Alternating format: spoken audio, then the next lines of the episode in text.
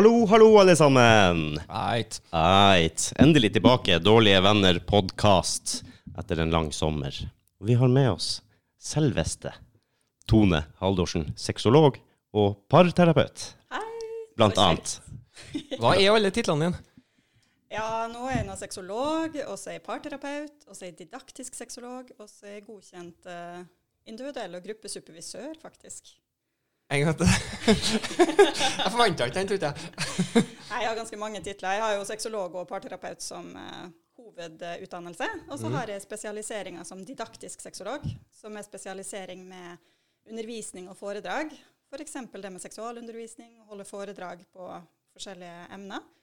Og så er jeg individuell og gruppesupervisør, fordi at terapeuter de trenger supervisjon i løpet av karrieren sin. Gjerne fast en gang i måneden og sånne ting. Ja. Og da trengs det godkjente supervisører. Og det er Supervisør. supervisør. Jeg har knapt hørt det ordet engang. Sånn på norsk, da, vel å merke. Du har ikke det nei? Nei, jeg tror ikke jeg heller har, har hørt det. det. Det har jeg ikke. Men spennende, Det da. er veldig spennende. Det må jo si, som jeg nevnte til deg litt sånn før, før podden her også, at eh, sexologbegrepet, eller tittelen, er jo litt sånn eksotisk, hvis jeg kan si det sånn for min del. Du leser om dem eller hører om dem på nettet og i medier og sånn, men jeg har jo aldri møtt noen, jeg har aldri gått til en sexolog. Og det er jo det er jo litt av det jeg er nysgjerrig på også, rett og slett. Hva Jeg var jo heldig, faktisk, vil jeg påstå, litt lenger oppveksten, for at jeg hadde ganske frisinna jenter i klassen som var veldig åpne og hoi. Så du lærte mye på kort tid der, uten å gjøre noe, bare hva ja, de hadde gjort. Fikk bare beskjed om hva som skulle skje. Ja, nesten. De er i hvert fall eh, veldig sånn der eh, Oi. Eller de var ganske åpne i forhold til veldig mange andre på sin alder, merker jeg. Allmennklassen og sånn, blant annet. Du bare satt i ro og holdt kjeft, så fikk du med deg eh, det Ja, meste. Ja, hva du tror? Jeg satt jo stille i hjørnet her. og Bare, Oi, det her må jeg suge til meg info. Skrive notater for rare livet og bare Det blir sånn, du- som jeg du var er nerden. Liten. Det blir sånn når du er liten, når mamma og pappa snakker om noe som du kanskje ikke skal høre. Da er du så stille at du, du er jo ikke der engang. Ja, når du skal legge deg, ja. Mm, ja, eller noe sånt. Eller noen samtale. lavere foreldrene snakker, jo spissere blir ørene. Helt riktig. det er bra. det. Du, hvordan, eh, hvordan går man inn på det, det yrket der, da? ja. Det er mange forskjellige måter. Eh, I Norge så er det nå flere muligheter. Hvis du skal bli klinisk sexolog eller eh, sexologisk rådgiver, så kan du f.eks. gå på Universitetet i Agder. Da må du ha bachelor innen helsefag for å komme inn der. Okay, ja. Eh, den utdannelsen jeg har tatt, som ikke er klinisk sexolog, men som kalles sertifisert sexolog, det er via sexologiskolen. Og da går man sexolog, som er ett eh, en, eh, en utdannelse, og så parterapeut, som er én utdannelse. Og sammen er det tre års utdannelse. Og det er såpass, ja? Yes. Ja, Jeg regner med at du trenger det. Og det var i Agder. Det overraska meg litt. Nei, eh, sexologiskolen er i Oslo og okay, København. Men Universitetet i Agder de har jo en sexologisk linje for de som har lyst til å bli klinisk sexolog eller sexologisk rådgiver. Så eh, det er to forskjellige skoler, men eh, det er de som er topp da, på Norge. Eh, Topp i Norge. Hadde bare fremdeles ikke trodd at noe sånt var i Agder. I Agder, nei. Nei, det, det- Bibelbeltet, tenker du? Ja, litt sånn. Det er kanskje overraskende for mange. Ja. Så og det er jo to forskjellige utdannelser, men det Hva som gjorde at du gikk den veien, da? Eh, Jeg har alltid ønska å jobbe med mennesker, for det første, men jeg har alltid vært interessert i sex. Så når jeg var sånn fem-seks år, så når alle andre snakka om eh, shopping og gutter og sånne ting, så hadde mine Barbie-dokker sexklubber og trekanter og masse sånn. Det var litt der, da. Eh, Og når jeg begynte å se porno som åtteåring, så satt jeg liksom og så på at det var veldig spennende det her. og satt og snakka om at de damene måtte jo sikkert ta et glass p-piller om dagen med all den sexen ja. de hadde. Og, for det var jo ikke noe forståelse Nei, nei, nei, det ikke Men jeg, men jeg har alltid vært veldig sånn interessert. Så når jeg var 15, så kjøpte jeg min første sexfagbok. Og så har jeg bare lest etter. Så jeg har lest Wow. sexologi i 20 år. Ja, vi har kanskje vært bestevenner, for jeg har lurt på så mye altså på eh, samme Ja. alder. Jeg, var så nysgjerrig på det, og så skjønner ikke du helt, men du skjønner noe. Og det er liksom Ja. Jeg Ja. hadde, men jeg, om jeg turte å spurt noe i den alderen der, det tviler jeg på at jeg har gjort. Så følte jeg fikk ikke noe informasjon av mamma. Hun skulle vise meg hvordan en tampong eh, fungerte. Jeg er traumatisert ennå. Så det er litt, hun putta den jo et glass vann, og så ble den kjempestor, og så Ja. tenkte jeg skal den være inni? Og så. Så, når jeg kjøpte den sexboka som 15-åring, så var det sånn Jeg skal ikke ha sex før jeg kan alt teoretisk. Det var Oi! Jeg holdt på å snakke om med herre med Rudi tidligere i dag, faktisk. For jeg husker på det at jeg var veldig Jeg var jo veldig har jo, Er jo eh, ganske nerdy av meg. sånn at jeg jeg òg skulle ha alt klart teoretisk sett hva jeg skulle faktisk gjøre, og hvordan ting fungerte og sånn, før jeg faktisk hadde sex. Hjalp det? Nei. Ikke en puck i det hele tatt. Om ikke annet så tror jeg det gjorde meg mer stressa. Jeg la ut eh, På Instagram eh, så la jeg ut et bilde fra ungdomsdagboka mi. Når jeg var 18, nei 17 var jeg vel da mista, jomfrudommen, så hadde jeg skrevet noen setninger. Så det fant jeg her om dagen, så la jeg ut på Instagram. Og jeg fikk så mange meldinger at liksom Samme erfaring! da bare, ja. Så det hjalp ikke å lese noen sexbøker, fordi at det er jo to som har sex, og hvis den andre ikke har lest noe teoretisk, så blir det jo gærent uansett. Ja. Så første gang, den er, den er klein, altså. Får ikke sånn L på ryggen, bare. Nei, det er Åh, altså uff. åh, og det har vært greit du unnskyldt for alt. Du Ja. har en L bak på ryggen. Det har egentlig vært helt nydelig, spør du meg. Nei, jeg var helt imot, motsatt enden av Jeg var jo motsatt enden av skalaen. Jeg gjorde vel eh, minst mulig research. Det gikk vel kun på instinkter, og jeg var vel Etter første gang jeg hadde sex, så var jeg vel usikker på om jeg hadde hatt sex, på en måte, for man prøvde, men gikk ikke helt som man hadde tenkt, og hva er det egentlig som Kan jeg spørre hvor gammel du var? Da var jeg 14. Ja, ikke sant? Ja. Hva er gjennomsnittsalder-ish på Det karer? Det er 16 for eh, jenter, og så er det 18 for gutter, faktisk. Ja, Eh, jeg Men var jo man har sex seinere og seinere, faktisk. Fordi at eh, nå kan man tydeligvis mer, da. Ah, Så det er flere som har den der nå. Det er lov å vente. Mm. Men jeg snakker jo med veldig mange 14-15-åringer som har hatt sex. Ja. Eh, så um, de gjennomsnittstallene de er jo bare et gjennomsnitt. Det er fortsatt veldig mange som begynner å ha sex i 13-14-årsalderen, og som er helt clueless på hva som skjer. Ja. For jeg, jeg er jo litt i andre enden av skalaen. Jeg, jeg var jo så vidt fylt 18 år, tror jeg, første gangen jeg hadde en. Mm. Så eh, Mm. Jeg var i et fast forhold på en måte, hadde vært lenge sammen. Jeg kan ha vært 15, men jeg mener jeg var 14 år. Eh, 14-15, da. Så kanskje litt lettere når man kjenner personen godt. Du har, var i et fast forhold, vi hadde vært sammen i et år eller to, eller noe sånt, og, og fortsatte det, da. Men, eh, men eh, jeg må ærlig innrømme, det var ikke mye research som ble gjort, nei. Det, vi visste jo hva som skulle hvor, ikke sant? Og det er tross alt det Det viktigste. det viktigste. Ja, uh, vi visste prevensjon og, og sånn, selv om jeg må ærlig innrømme, jeg husker ikke om det ble gjort den gangen. Men Men eh, det, de fleste mister jomfrudommen sin til en fast partner. At de er kjærester eller Ja. eh, sånn. De færreste mister jomfrudommen sin på et one night stand. Og særlig de som er yngre, de mister jo gjerne til en kjæreste. Ja. så klart det er vel kanskje mer naturlig også, Uh, når du er så ung, tenker jeg. Du har kanskje ikke det drivet. Færre på one night stands og sånn, ikke sant? Det er kanskje litt skummelt. Går kanskje ikke å leite etter et one night stand når man er 14. Nei. Nei, jeg uh, tror ikke det. håper og tror at det ikke skjer. Nei, men vi hadde jo uh, situasjon Jeg er fra et lite sted uh, hvor du kanskje ikke har så mye å velge i. Og det er jo ikke noe hemmelighet at uh, jentene kunne finne seg rimelig mye eldre gutter allerede fra de var 13-14-15 år, til folk som kanskje gikk til og med på videregående og til og med jobba og sånn. Og det var ikke alltid heller at det ble sett så mye ned på. Nå er det viktig å huske at i Norge så er det jo 16 som er seksuell lavalder. Ja. Og det er faktisk straffbart for en 15-åring å ha sex med en 16-åring. Ja. Eller for å si det motsatt, da, at en 16-åring har sex med en 15-åring. Ja. Og 15-åringen blir ikke straffa, og sjøl om det er samtykkende, så kan 16-åringen få straff på lik linje med en voksen. Helt riktig, og det Så det er viktig å huske på for ungdommene også, Ja. særlig de som finner seg eldre, da. Ja. Så kommer ikke dem sjøl i problemer, men de eldre kan komme i problemer. Og foreldre kan anmelde på barnets vegne. Mm. Så det er viktig å fortelle det til ungdommer. Det er derfor jeg kjemper så hardt for bedre seksualundervisning. Og da snakker jeg bl.a. om det her at de også må tenke på partneren, ikke bare seg sjøl. Og jenter er ofte eh, seksuell mer moden enn gutter. Selv om gutter gjerne Ja. har lyst til å prøve tidligere, så er jenter Mm. ofte mer moden i hodet. Og så tenker de ikke på at de eldre guttene da, kan Mm. eh, skades av det. Ja, for jeg husker på, jeg var jo sammen med ei som skulle til å fylle 16 år en gang. jeg på, Og hun var jo ganske moden for alderen, og hun var egentlig for å si det på den måten, hun var klar. Men mora hennes var lege. Og det var for så vidt faren òg, da. Så de bare forklarte hele greia at nei, ikke utsett meg, da, i dette tilfellet, for den risikoen på at du kan være et eller annet som anmeldelse, eller hva det nå blir, da. Så det ble venta, det. Så å, til fylt 16, gitt. Ja. Så eh, det tror jeg har foreldrene For eh, du er svak òg, da, hvis du er 17-18 år, gutt plutselig, og så er du sammen med ei som har vært Ja, du Det er ikke alltid like enkelt.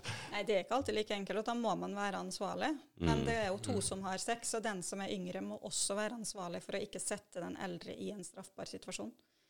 For det er jo, også loven er jo der for å beskytte. Mm. Så hvis to 15-åringer f.eks. har samtykkende sex, da, så blir ikke det det er ikke det vi skal stoppe. Nei. Vi skal jo stoppe at barn blir utnytta av eldre. Mm. Så sånn som loven er i dag, så kan jo en 50-åring ha sex med en 16-åring lovlig. Ja, det høres jo ikke helt Så det, så det er liksom når de Kanskje gjerne noen måneder før de fyller 16, så tenker de det er ikke så farlig. Men eh, det kan bli lange fengselsstraffer. Ja. Altså. Ja, du må være litt forsiktig, rett og slett. Og som du sier, foreldre kan anmelde på vegne av barna, for de er faktisk ikke voksne eller myndige. Så det oppfordrer lærere og foreldre til å snakke med barna sine om ganske tidlig. Altså Sønnen Ja. min på ti han er fullt klar over det her.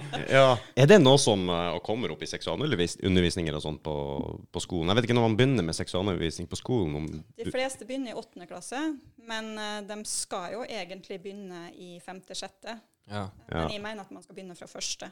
Så jeg, når jeg blir leid inn på skolen for å holde seksualundervisning, så begynner jeg gjerne i første klasse, og så blir jeg innleid i klasser oppover. For da Mm. blir jo seksualundervisninga tilrettelagt. Mm. Og i første klasse så snakker man jo ikke om sex og prevensjon og sånne ting. Da snakker man om grenser og og kroppen, ikke sant. Hvordan man skal beskytte seg hvis noen tar på som de ikke vil skal ta på, ikke sant. Og at lege og foreldre har lov, men foreldre kan ikke ta på på den måten. Ja. sant? Og for, Mm.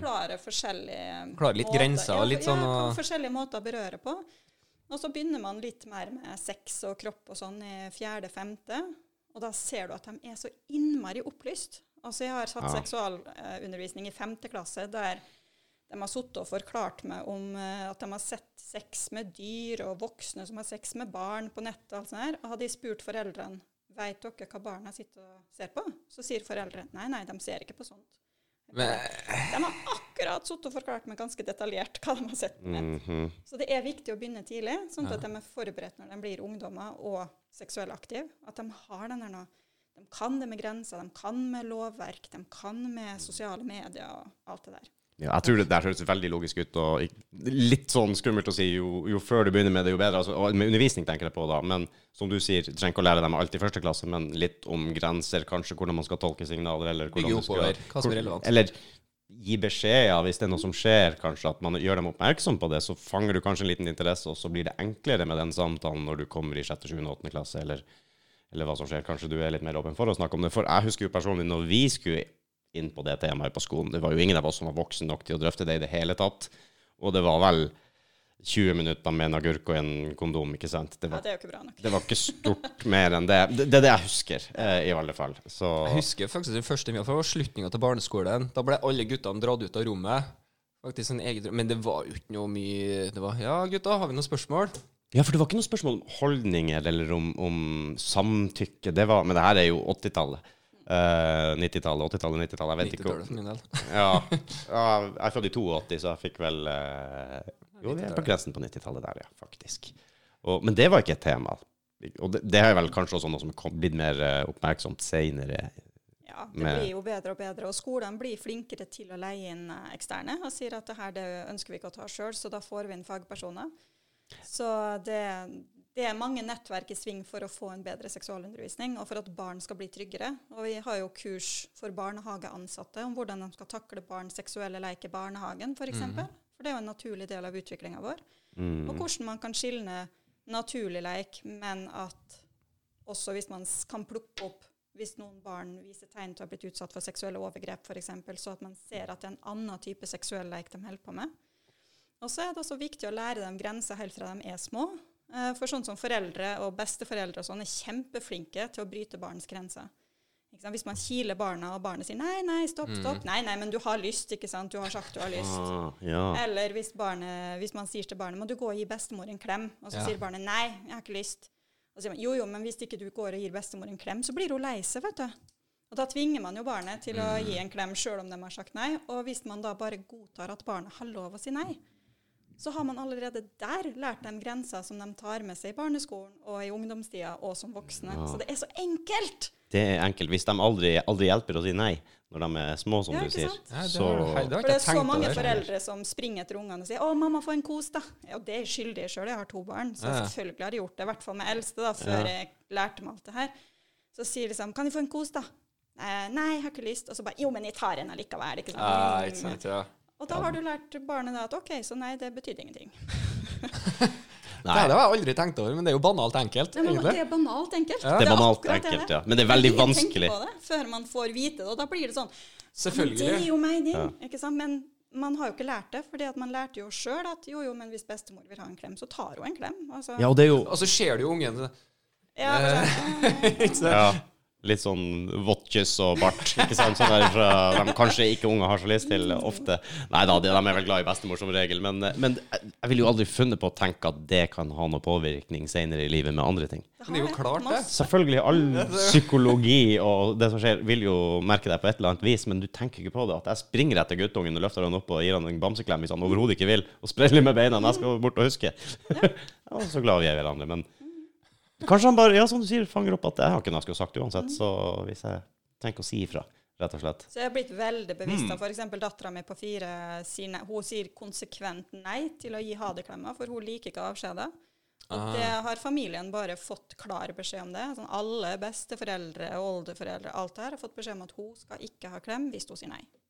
Det skal bare aksepteres. Ferdig snakka. Og det gjør alle, og da ser du at hun har det også mye bedre. Ja. Så kan det komme kanskje en vakker dag da der du plutselig får en hadeklem. Da blir jo det sikkert helt magisk. Ja, ja.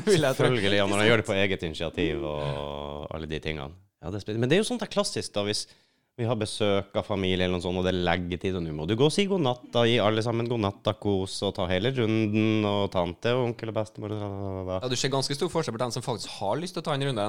Og dem Ja. som, ja. Ja, guttungen min da, hvis han skal komme og si ha det hvis bestemor er på besøk, så er det jo verdens største smil, ikke sant? Så du ser jo helt tydelig at det er ikke noe vi må presse han til å gjøre det, men jeg kan godt tenke meg at det kan skje. Også at du... Ja, men altså det er en bitte liten omformulering som skal til, istedenfor å si 'nå må du gå og gi'. Mm. Så si 'har du lyst til å gå og gi en nattaklem'? Dæven steike, det er faen ikke dumt altså. Nei, nei, nei. Ganske smart du. Tenk, Kanskje ja, neste ikke gang. sant? Jeg skulle tro det er utdanna innafor noe Skulle sånt. nesten tro jeg var utdannet. Ja, det er, så- det er bra. Så når man setter seg inn i barns eh, seksualitet og, og grenser og sånne ting, så er det en helt enormt stor verden som man ikke tenker på. For det er jo sånne ting man skal lære egentlig på skolen nå, da, som du sier, å få undervist i. Nei, for jeg tenker på, Det, er jo, det som var tatt opp på skolen til meg, hadde jo ingen relevanse senere. Nei, nei. Så Nei, overhodet ikke. Det skulle vært eh, De skulle ha nevnt prestasjonsangst, f.eks. At det her, kan, det her kan godt tegne at det skjer når du faktisk skal i gang. At det, ingenting skjer. Det snakker jeg mye med ungdommer på når jeg er på ungdomstrinnet og underviser i seksualundervisning. Da har vi prestasjonsangst, vi har ejakulasjonsproblem, vi snakker om at uh, orgasme og utløsning er to forskjellige ting. Ikke sant? Vi snakker om at man plutselig kan bli slapp uten at det er noen som helst grunn for det. At man kan kanskje bli tørr uten at man egentlig har lyst til det. Eller at man kan bli våt uten å være tent. For kvinner, ikke sant. Mm. Vi snakker om de tingene her, for det er man så dårlig på å snakke om. Ja. Og det er jo en grunn til at veldig mange f.eks. jenter som blir voldtatt, får beskjed om ja, men du likte det jo, for du blei våt. Men det er jo kroppens måte å beskytte seg på. Mm. Ah. Ikke sant? Så det har jo ingenting med nytelse å gjøre. Det har jo med at kroppen sier at ok, her må vi faktisk beskytte oss, så får vi rifta, så det, Så blir blir det- det ja. farlig. ikke sant? Så men det tenker man ikke på. Det snakker man ikke med om på skolen. Hva, Da kommer pekefingeren min til lærerne og bare Hva er det dere tenker på? Ja. Dette må ungdommene vite. du var det en skole i Danmark nå nylig som Og det med magetoppen. Ja. Åh, Ja, hva var? da, da ble jeg hard feminist. Ja, det, da kjente jeg på Kjente du at du Jeg reagerte på det skikkelig. Jeg ble Jeg- kjempeforbanna. Jeg har jo dansk kjæreste, så han, eh, han var jo tilfeldigvis i Norge når vi fant ut av det. Eh, så vi lå liksom på morgenen da og bladde på hver vår telefon og leste litt Skal vi sånn. informere dem Jeg skulle som ikke har sett det? Akkurat til å si det, hvis, hvis du husker det, kan du, kan du nevne hva det dreide seg om? Det var Ja, det var en skoleinspektør i Veile eh, som hadde gitt beskjed om det, at eh, jenter skulle ikke gå med magetopper. Blant annet, de skulle ikke vise magen, for, annet på skolen, fordi at eh, andre elever eller lærere kunne bli distrahert. Ja, det vil jeg òg tro, for jeg kjente jeg ble provosert som mann. At jeg tror du at jeg er en huleboer? Altså, jeg tror, altså, hvis, ja, Og hvorfor ligger det altså, ansvaret på Ja, og, og her kom jo superfeministen min frem, så jeg klikka jo i vinkel.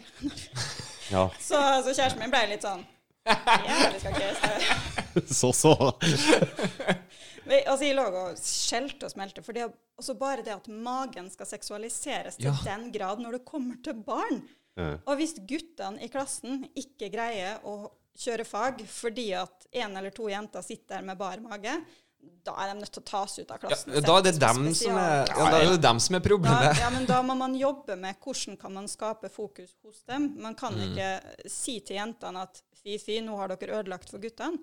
Hva lærer guttene, da? Da lærer de at samfunnet tilpasser seg dem og deres behov, og så kan de gå ut i verden og gjøre hva som helst. Jeg ble så overraska, for det der er noe jeg har hørt før i forbindelse med voldtekter og uoppmerk uønska oppmerksomhet og den type ting. At ja, men du kler deg jo sånn.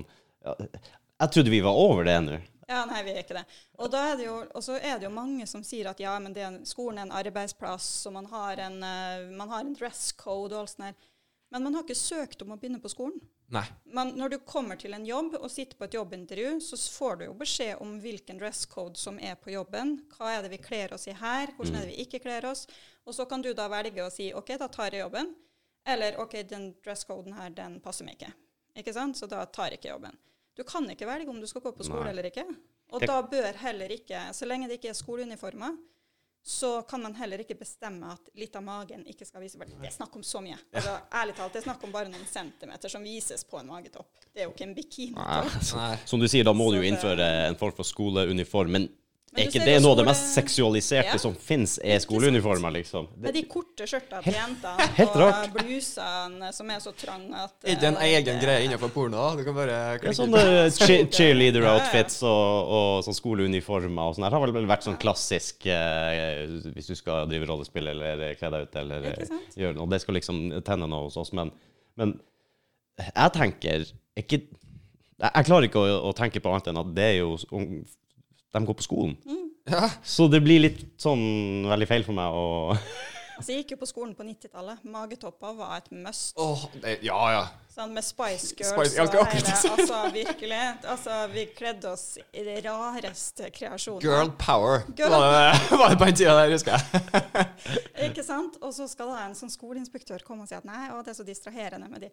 Da syns jeg skoleinspektøren eh, skulle gått en tur til psykolog og sjekka seg litt. Ta en runde med deg sjøl, du. Ja, hvorfor er det så distraherende? Hva er det med magen som er så seksuell? Oppe i det forblåste lille fjordholdet i Finnmark var det ikke mange dager i året du kan gå i magetopp, for å si det sånn. Så det Altså, Det fiksa seg sjøl. Nordvestlandet, vi hadde det samme der. Ja. Ja. Det er jo det. Men, men ærlig talt, du ser jo spesielt unge jenter kanskje kler seg ute på vinteren. Da, da, altså, ikke at de gjør det så med sex og sånn, men hvor lite klær generelt. Tynne dongeribukser og, og magetopper i minus 16 kuldegrader ute. Jeg har bodd i. Trondheim i starten av mine 20 år. Så starta, begynte i, i Trondheim, og så bodde jeg i Trondheim. Og de små minikjolene og de 12 cm høye hælene jeg vagla med på de brosteinene i Trondheim I full sidevind. ja, og, du, og du fryser jo i hjel. Ja, ja. Men du gjør det jo for å være sexy, og for å få oppmerksomhet, og for at du er singel. Og liksom, hvis Og du lide for skjønnheten. Man må lide for skjønnheten. Og det er jo helt tullete. Jeg vet det. Altså, jeg har ikke gått i høye hæler på mange år. Jeg, jeg er såpass forfengelig at jeg har gått ut til Det her er altfor lite klær, men jeg ser jævla bra ut. Ja, Så vi bare kjører videre, så får jeg bare fryse litt, da. Ja, jo, men det er akkurat det. Man må bare lide. Altså, tenker man etterpå når man blir litt eldre, bare Hva skjedde? Ja, I hvert fall når du skal stå og prente det inn i ungene dine at du tar, går ikke ut av huset før du har tatt på deg klær. ikke Ja, sant? Og så er det ikke så lenge siden du sjøl Jeg sender dem ut i Altså, jeg har sendt ungen min i barnehagen i nattbysjå, altså for at jeg orka ikke å ta den kampen. Så kom med klærne i en bærepose til barnehagepersonalet og sa jeg orka ikke den skrikinga i dag. Det er bra. Det vises vel litt forståelse av og til, gjør det ikke det? Morsomt. Ja, det er bra. Men da har altså, eh, bare for å gå videre med det her, så har barna fått en god seksualundervisning på skolen, og så er de ute i livet, og de debuterer i alle ender og skaler. Ja, også, men når er det de eh, tar kontakt med en sexolog? For jeg kan tenke meg, når du er 20 år, så er du enten har du altfor mye selvtillit og tenker at det her trenger du ikke, eller så er du kanskje for sjenert i nesten å snakke om det og vil helst ikke. Så jeg, jeg kan tenke meg at du er kanskje litt eldre når man går til en, psyk til en psykolog, sier en sexolog. Eh, Den eh, yngste klienten min er 14. Se der, ja. eh, og den eldste klienten min av menn er 76. Ja. Og den eldste kvinnelige klienten min, hun er 89. 89! Det er Men jeg har også, eh, har også ungdommer, både gutter og jenter, som er fra 14 år og oppover, som eh, foreldrene har eh, tatt kontakt fordi at barna sjøl har sagt at de ønsker å komme og snakke. Ja, ok. Men eh, sånn gjennomsnittet kan jeg tenke meg ligger på sånn rundt ja, midten av 30-åra, starten av 40-åra. Mm. Det er litt sånn gjennomsnittet at menn kommer, Ja. og da er det gjerne ereksjonsproblem eller orgasmeproblematikk, eller at de rett og slett føler at sexlivet ikke fungerer. For det er det jeg kan tenke meg, at du trenger kanskje noen år på baken og vite hva som funker, hva som ikke funker, bli kjent med deg sjøl. Og for å være ærlig, som en mann, så er det ikke sikkert du har så mye sex før du er 30. For, altså, det vet du jo ikke. Hvis du er singel og altså, det, det, Folk er forskjellige. Og du må kanskje modnes litt og lære deg å kjenne deg sjøl før du klarer å finne ut hva problemene er, eller om du har noen problemer, og så tar du da kontakt. Og det gjelder både menn og kvinner. Ja. Men jeg er ekstra stolt over de mennene som tar kontakt, fordi at terskelen er så høy. Og så er det jo så mange som tror at det å kontakte en sexolog er kjempefarlig, for da skal vi bare sitte og snakke om sex og orgasme og alt sånt der. Men det vi mest snakker om, er jo følelser og livet, jobben, familielivet, singellivet. Hvordan er det det fungerer? Hvordan Ja, For alt det her går jo utover sexlivet Ja, på ja. positivt og negativ måte. For man, altså, de fleste som kommer og sier at sex er problemet, så finner vi ut at nei, nei. Sex er, altså Sexlysten og alt det der, det er bare et symptom. Mm. Og så er vi nødt til å finne hva som egentlig er sykdommen, da, hvis man skal si det. Hva er hovedproblemet? Og så må man finne en løsning på hvordan det skal inkorporeres i hverandre. da. Mm. Så for noen så starter man helt ned i barndommen, om hvordan man hadde det som barn. Hvordan foreldrene hadde det. Mm. Og så jobber man seg oppover, mens noen er siste forhold. At siste forholdet har vært dårlig, eller at man har hatt en del opplevelser, og nå er man i et ordentlig forhold. Ikke mm. sant? Og så greier man ikke å fungere fordi at man ikke har vært i et ordentlig forhold før. Så det er liksom finne ut individuelt hva trenger den klienten her.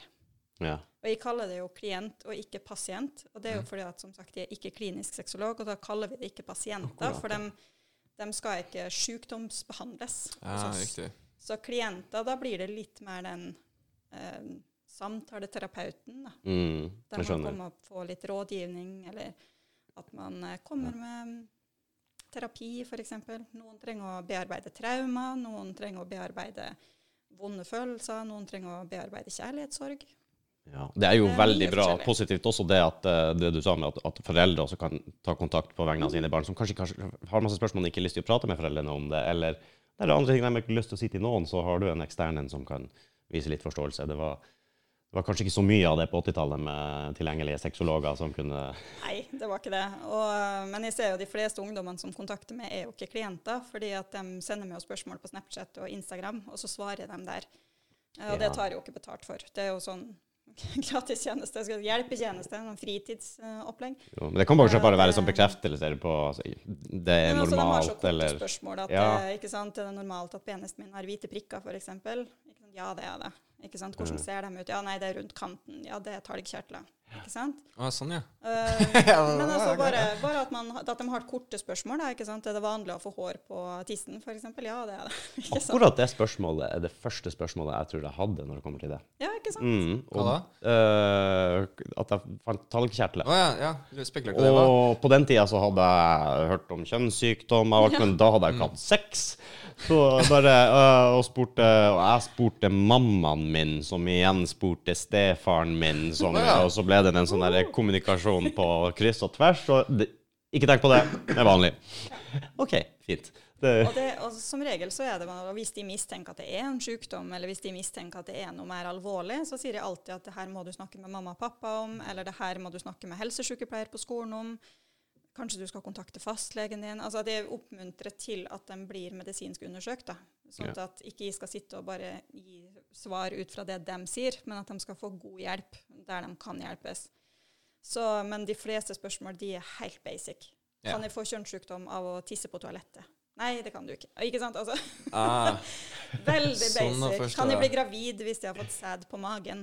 Nei, det kan du ikke. Altså, det, er litt, det var en 16-åring som spurte meg om For hun hadde fått litt sæd i halsen etter at kjæresten kom i munnen hennes. ja. Så hun lurte på om hun kunne bli gravid i halsen. Du- Ja, Eh, og da eh, fikk hun beskjed om at du er helt trygg. Det går bra. det går bra. ja.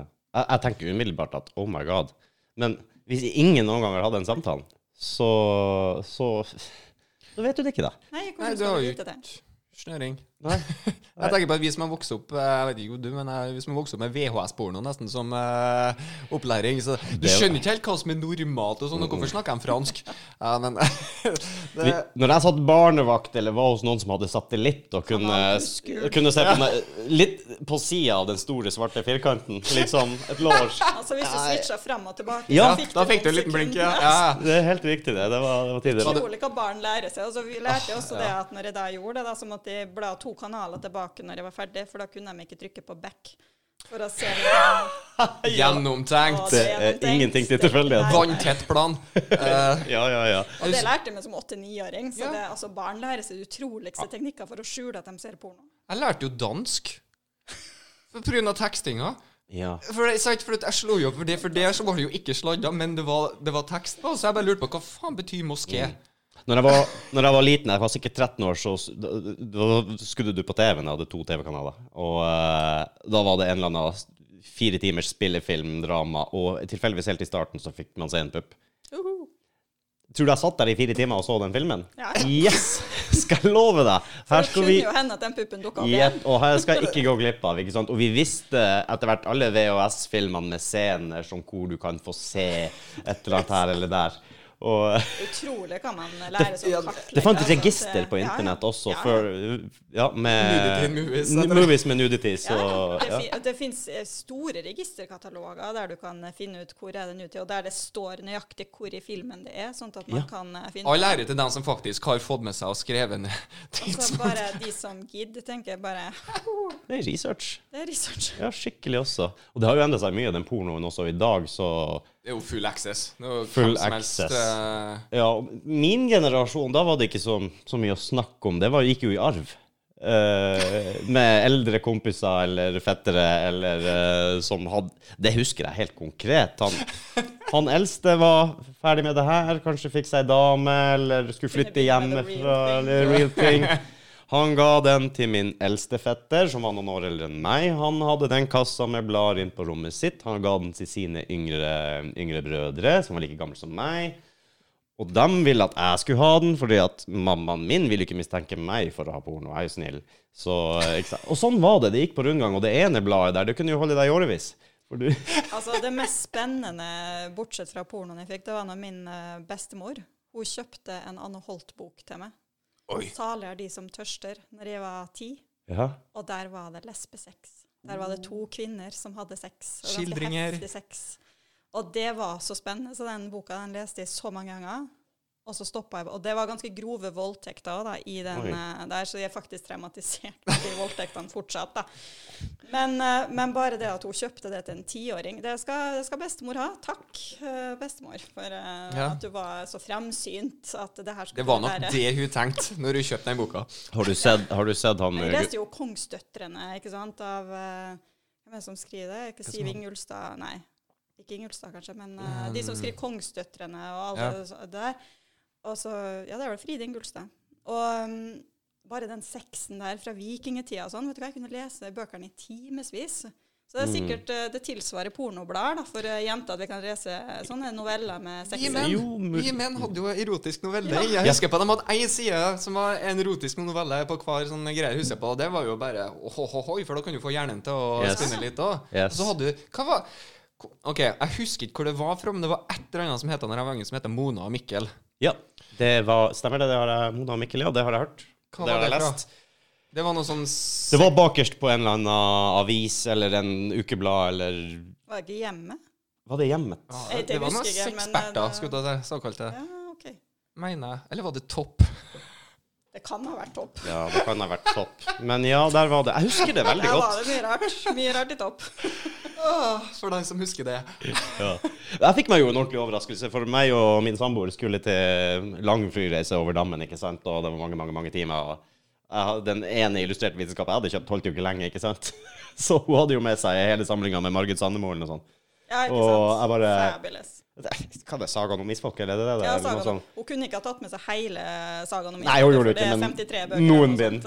Så, så jeg begynte type på bind åtte, for jeg tok bare den som var ledig, og så Ja. leste jeg seks, og så leste jeg ni, og så, Ja, sant? Det var ikke ikke noe, og det som slo meg var, akkurat, nå skjønner jeg hvorfor det er så fascinerende å lese de her bøkene. Det var mye porno, altså. Oh yes. Det Er er, det husmorsporno? det er det som Den, kalles eh, husmor. Kiosklitteraturen. Ja. boys. Anbefales. Der er mye sex, ass. Det, Master Bates. Å, herre. det alltid heter han her i huset. Er. Ingen er for øvrig bedre på ordspill enn eh, pornotitler. nei, det, De tror jeg er mester ja, i Ja. ordspill. Altså. Goodwill Humping er vel en men du har så lyst til å se de filmene bare pga. de titlene. Så det er jo beste salgstrikset i historien. Du, du må jo se Goodwill Humping, for Så eksempel. jeg har sett vanligfilmen. Jeg lurer på Hva har de tatt med seg fra originalen? Altså, Det drøyeste jeg har vært med på noen gang, tror jeg sånn, Eller det er jo ikke drøyt, da. Men uh, jeg var med på et vorspiel en gang, og da Bare gutter. Og eh, han ene for å få tida til å gå, eller noe sånt, for de kom fra Trøndelag og ned til Østlandet. Vi skulle på uka i Ås. Og så plutselig Jeg veit ikke hvorfor, men han er en sånn random fyr som bare liker å gjøre ting random. Så han kom jo plutselig med et helt DVD-sett med Pirates, som på den tida var den dyreste pornofilmen noensinne Ja. laga. Og jeg tenker jeg jobba jo i sexbutikk når den kom, og jeg solgte så sjukt mange kopier av Pirates. Ja. Den Vi, fikk jo, vi måtte jo ta med de filmene hjem for å se på dem, sånn at vi kunne anbefale det til kunder. Så jeg har aldri sett så mye porno. Altså, men, Men- men- Pirates Ja, men midt inni her Ja. så husker jeg på at, Og det fyrte de på på vorspiel. Så vi tenkte whatever. Så, så vi satt når og drakk. Og det var jo faktisk punkt inni her der jeg glemte at det var en pornofilm. Ja, men Er ikke det en veldig bra produksjon på den? Eller eller det var litt Jeg husker coveret var veldig bra, for de leide den ut på Mix Stovner når jeg flytta hit. altså, Til å være porno, så er den ganske grei, altså. Ja. Jeg, jeg så coveret når jeg gikk, var leid i film på Mixen, som jeg sa, på Stovner. og leide film, og den var liksom Jeg har sett det coveret mange ganger. For det er bra cover. eh, Paris. Det er det. Ja, ja, ja, så jeg tenkte at her må man jo absolutt leie, men det ble alltid til det. Vi så jo behind the scenes, jeg husker jeg på. Og det, så det som hang igjen til oss når vi gikk videre på neste vorspiel, det var jo faktisk den der, der dringlyden at OK, å, nå skal vi ha pause, eller nå skal vi i gang igjen. Og så sitter jo egentlig bare karer, da, imponert som faen. Hvordan klarer han å bare dring, og så er vi i gang igjen? Trening kalles det. Ja, det vil jeg tro. Men vi var i hvert fall veldig fascinert. Da vi satt der. Det vil jeg òg tro. Det gjør jeg sikkert på. Viagra. Det er mye Viagra i Ja. nå. Altså. Vet du hva slags uh, bil de bruker når de leverer Viagraen? Pickup? Det må være Yes! Ja, okay. Ja, jeg måtte bare tenke litt. Greit. OK, det var dårlig. Sorry. Beklager. for Ok, den du kan få en liten Får jeg det? ja. Syns den fortjente den, altså. Ah, gull. Virkelig. Så jeg må tenke litt, da. Du må tenke litt, ja. Det er bra. Huff a meg. Skal vi se. Skal vi se, ja. Du, Ja. Det, jeg, det jeg tenkte på masse Så du, eh, så du har uh, lagt ut et bilde av en skjev penis i dag? Ja. Det er folk, det er folk som lurte på det. Det var det første jeg tok opp i dag, når jeg tok opp Instagram, bare Oi! Ja. Den uh, satt seg på hjernen sin før morgenmøtet i dag på jobb. en diger, diger skeiv kuk. Ja, ja, ja. Men det er vel mer normalt at det er skeivt enn ikke? Jo, men uh, når jeg skrev om skeiv penis i dag, så er det jo det som kalles kromerik. Altså at det er en uh, unormal stor bøy på. Ah. At du har den der knekken på penis nesten. da. Mm. Så en eh, vanlig skeivhet på penis der den svinger litt venstre, litt til høyre, eller bøyer litt oppover eller litt nedover, det er helt normalt. Mm. Eh, Så den kromerik, den unormale bøyen, da, eh, den kan også fungere fint. Eh, Det trenger ikke å være noe galt med penis, men hvis den er veldig bratt, hvis det er sånn 40, 50, 60, noen kan til og med være 90 grader, ikke sant, Eh, og det er veldig mye ubehag eller vanskeligheter å utføre seksuelt samleie f.eks., så kan det være lurt å få behandling. Og det kan jo være smertefullt også, da må man jo til lege og få sjekka hva man kan gjøre. Jeg relatert til til Nå vet ikke jeg hvilket program det er, jeg så bare noen korte klipp på TV-en eller på, på nettet om noen jenter som skrev en norsk jente da, som skrev en eh, sånn sexdagbok eller noe sånt. Det var noe datingprogram, tror jeg. Og hun hadde da skrevet i den om en gutt som hadde bananpenis som var nesten umulig å ha sex med, rett og slett, på, på grunn av at det var sånn og la ut om det ene og andre. Så det, Og da det, kan det være en sånn kromerik. Men det er noen som også har en sånn uh, penis som svinger såpass mye at uh, enkelte sexstillinger, som f.eks. bakfra, som sånn, kan være va veldig vanskelig, da, nesten smertefull for jenter, fordi at den dunker opp mot mm. anal istedenfor på G-punktet opp mot magen. Da. Det er som en heist punkt, da. Ja. For å se på den måten. Jo, jo, jo. Så, det, så penis den kan jo bøye mange forskjellige måter. Så det jeg skrev om i dag, som sagt, er jo en eh, det som kalles en medisinsk tilstand. Altså at det er Mm. noe som mest sannsynlig må ha behandling. Men Ja. hvis den ikke bøyes altfor mye, og man føler at den fungerer, så er det jo ikke farlig. Jeg vil jo tro at du kan jo være heldig, så har du en rette bein. For den type dame, i hvert fall. I hvert fall. Ikke sant? Og da treffer du jo G-punktet og A-punktet og C-punktet. Men så fort du varierer litt, så blir det jo kanskje motsatt igjen. Ikke sant. Så det spørs Så man jo. må jo se om det fungerer. Men uh, uansett, hvis man ser at man har en bøy på penis man føler unaturlig, eller at samleie er vanskelig, eller et eller annet man føler er galt, så bør man ta en tur til lege eller urolog. For da må man jo undersøkes. Mm. Så det er en ting som, I og med at du sa at du bare poppa opp en eh, penis, uh, skeiv penis med noe Dickpics. Dick Ja, det, dere her, er, det her er et fenomen uten noen en annen verden, altså. For jeg, jeg Som mann så liksom Jo da, jeg har jo, må jo være skyldig til å sende dickpic, men jeg har jo aldri sendt en dickpic til noen som bare, ikke forventer det. Nei, som ikke du har en liten connection med før her, da. Den måten. Men jeg skjønner jeg, Ja, jeg bare skjønner ikke helt den trangen med at Her, send. Det skjønner ikke jeg heller, i det hele tatt. Jeg har ingen forståelse. Jeg hadde håpet at du skjønte det. Ja, det, Altså det man sier da, eh, i fagmiljøet, skulle jeg si, at det går jo litt på sånn kontroll og litt på makt, og at man har et eh, bekreftelsesbehov. da. Men en erigert penis vil for mange kvinner være truende. Eh, det vil ikke være noe stas å Wow, få en stiv pikk rett i ansiktet, ikke sant? Og du- også når du sitter på sofaen, og sjøl om det er en partner også, så er det ikke sånn kjempevelkomment hvis du sitter der og ammer, f.eks., eller eh, akkurat har lagt unger, sånn, så stiller det seg opp en penis rett i munnen eh, din omtrent. Halla. Så man, man Ja. spør jo gjerne og prøver Ja. å bygge opp til at det er en viss setting. ikke sant? Så jeg får jo rundt mellom 10 og 30 dickpics i uka. Det er der er noe som Og jeg alltid har blokkerer vært jo fortløpende, så det kan jo ikke være de samme personene heller. Så sånn at de ikke sitter og lager nye kontoer fortløpende. Men skjønner de ikke at dere har det liksom Skjønner de ikke at det er ulovlig? Det er tydeligvis ikke, da. For det går jo under blotteloven. Eh, og det, nå er det jo også strengere straff på det, fordi at det går jo på samtykke også. ikke Mm, yeah. Du skal ha samtykke før du sender melding. Eh, sånne type Ja. meldinger. En ting som overraska meg, det var også en sak du hadde oppe på, på dine sider nå. Det var det med uønska oppmerksomhet fra andre foreldre, f.eks. fra barnehage og skole og sånn. Og jeg tenker, er det nå ett sted hvor du roer ned den oppførselen din, så Hva som foregår? Nei, det, så er, skjer det? Altså? Ja, det skjer så mye, og jeg har så mange eh, er flere klienter med og bekjente som har snakka om det, at uh, bl.a. at foreldre sender Du plutselig får en nakenbilde fra en pappa i barnehagen, da, eller en pappa i skolen. Så det var flere på Instagram som har sendt meg melding Som, spurt folk som om- jobber der, altså? Som Nei, får det, andre foreldre Ah, blant annet. Og det er jo ikke greit da, hvis du bor i et lite nabolag, og at det er naboen eller på no, bare noen gater borte, ikke sant? og som man møter i barnehagen eller på skolen ofte, ikke sant? og så plutselig skal du begynne å få nakenbilder, og du er kanskje venninne med kona eller partneren, ikke sant, eller noe sånt. Og det, det er så mye av det. Så jeg fikk masse spørsmål på Instagram om jeg kunne skrive om det, og da lagde jeg en post. Ja, det, det syns jeg var For interessant. jeg har også hørt det veldig mye av venninner og bekjente og sånn, at det har skjedd. Og da tenkte jeg at hvis en pappa i klassen til guttungen hadde sendt meg et nakenbilde, så tror jeg jeg hadde blitt forbanna. Ja, selvfølgelig. jeg var Altså, så er overraska at, dette her var, at det var så mye av det. Jeg bare så for meg ja, det er sikkert noen få enkelttilfeller, men så sier du at det, Nei, det, er var ganske mye, altså. Ja. Jeg har aldri hørt om akkurat det. Jeg vet at det er mange som, som viser seg fram uten at det er så veldig ønskelig bestandig, men at det var et forum å gjøre det på. Jeg tenker, Du har jo så sinnssykt mye å tape. Ik- Ikke minst er det et veldig stort overtramp mot den du gjør det mot, men du setter deg sjøl i en ekstremt sårbar situasjon. Oh, yes. Uh, Altså Det jeg hadde gjort, det hadde vært å bare tatt et skjermbilde og sendt direkte til partner. ja. Altså Jeg hadde gitt, jeg hadde gitt personen en sjanse først og sagt at det her skulle kanskje til partneren din. Eh, men hvis det da kom at nei, nei, det var til det, eller at det hadde skjedd igjen, så hadde jeg sendt direkte til partner og sagt at her, Ja. ta og deal med det her, for det her det orka ikke jeg å deale med. Selvsagt. Det, kan, det har jo også skjedd at folk har sendt feil.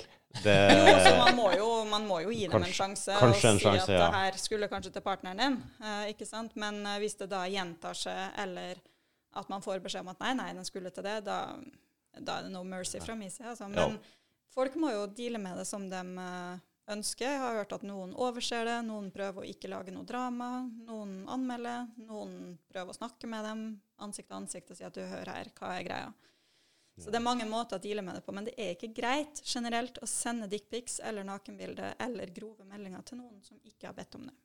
Overhodet ikke. Enn den gamle trenden når du hadde de her engangskameraene stående på fest eller bryllup eller whatever, og Og du de kan var jo fantastiske. Alltid, vet du, så var det noen som var på. Sant? Det er jo også litt spesielt. Det er ikke når du sitter og ser på brudebilder eller Og altså. så bare Wow! Det er noen som har hatt det morsomt. ikke sant? Jo, men altså, det, og det blir jo noe litt annet, ikke sant? Ja, For det er ikke så personlig direkte. Nei, altså, blir det jo litt. Det kommer litt på avstand. Ikke Ja. Det er greit nok at det blir sånn wow, når du sitter og blar gjennom, men så kan du kaste det bort. Mm. Ikke sant? Men når du da får det Ja. så ofte, ikke sant? og det er så mange jenter som forteller om det, og jeg hører de ungdommene ned i 11-12-13 års alder som får flere meldinger i uka av voksne menn som spør hva de skal ha for å kle av seg og sende bilder tilbake og sånne ting. Og folk sier at nei, men det er ikke så vanlig. Jo, det er kjempevanlig. Og Snapchat har blitt en skikkelig stor pornokanal der 11-12-åringer selger bilder, nakenbilder til voksne menn for å få penger. Fordi at de tjener bra på det og lærer at hei, ukepenger kan bare gå og legge seg. ikke Ja, sant? men Ja, ja, ja. og det har blitt et kjempeproblem i Norge og Danmark og Sverige. Og det, Robert 41 gir meg så mye i uka.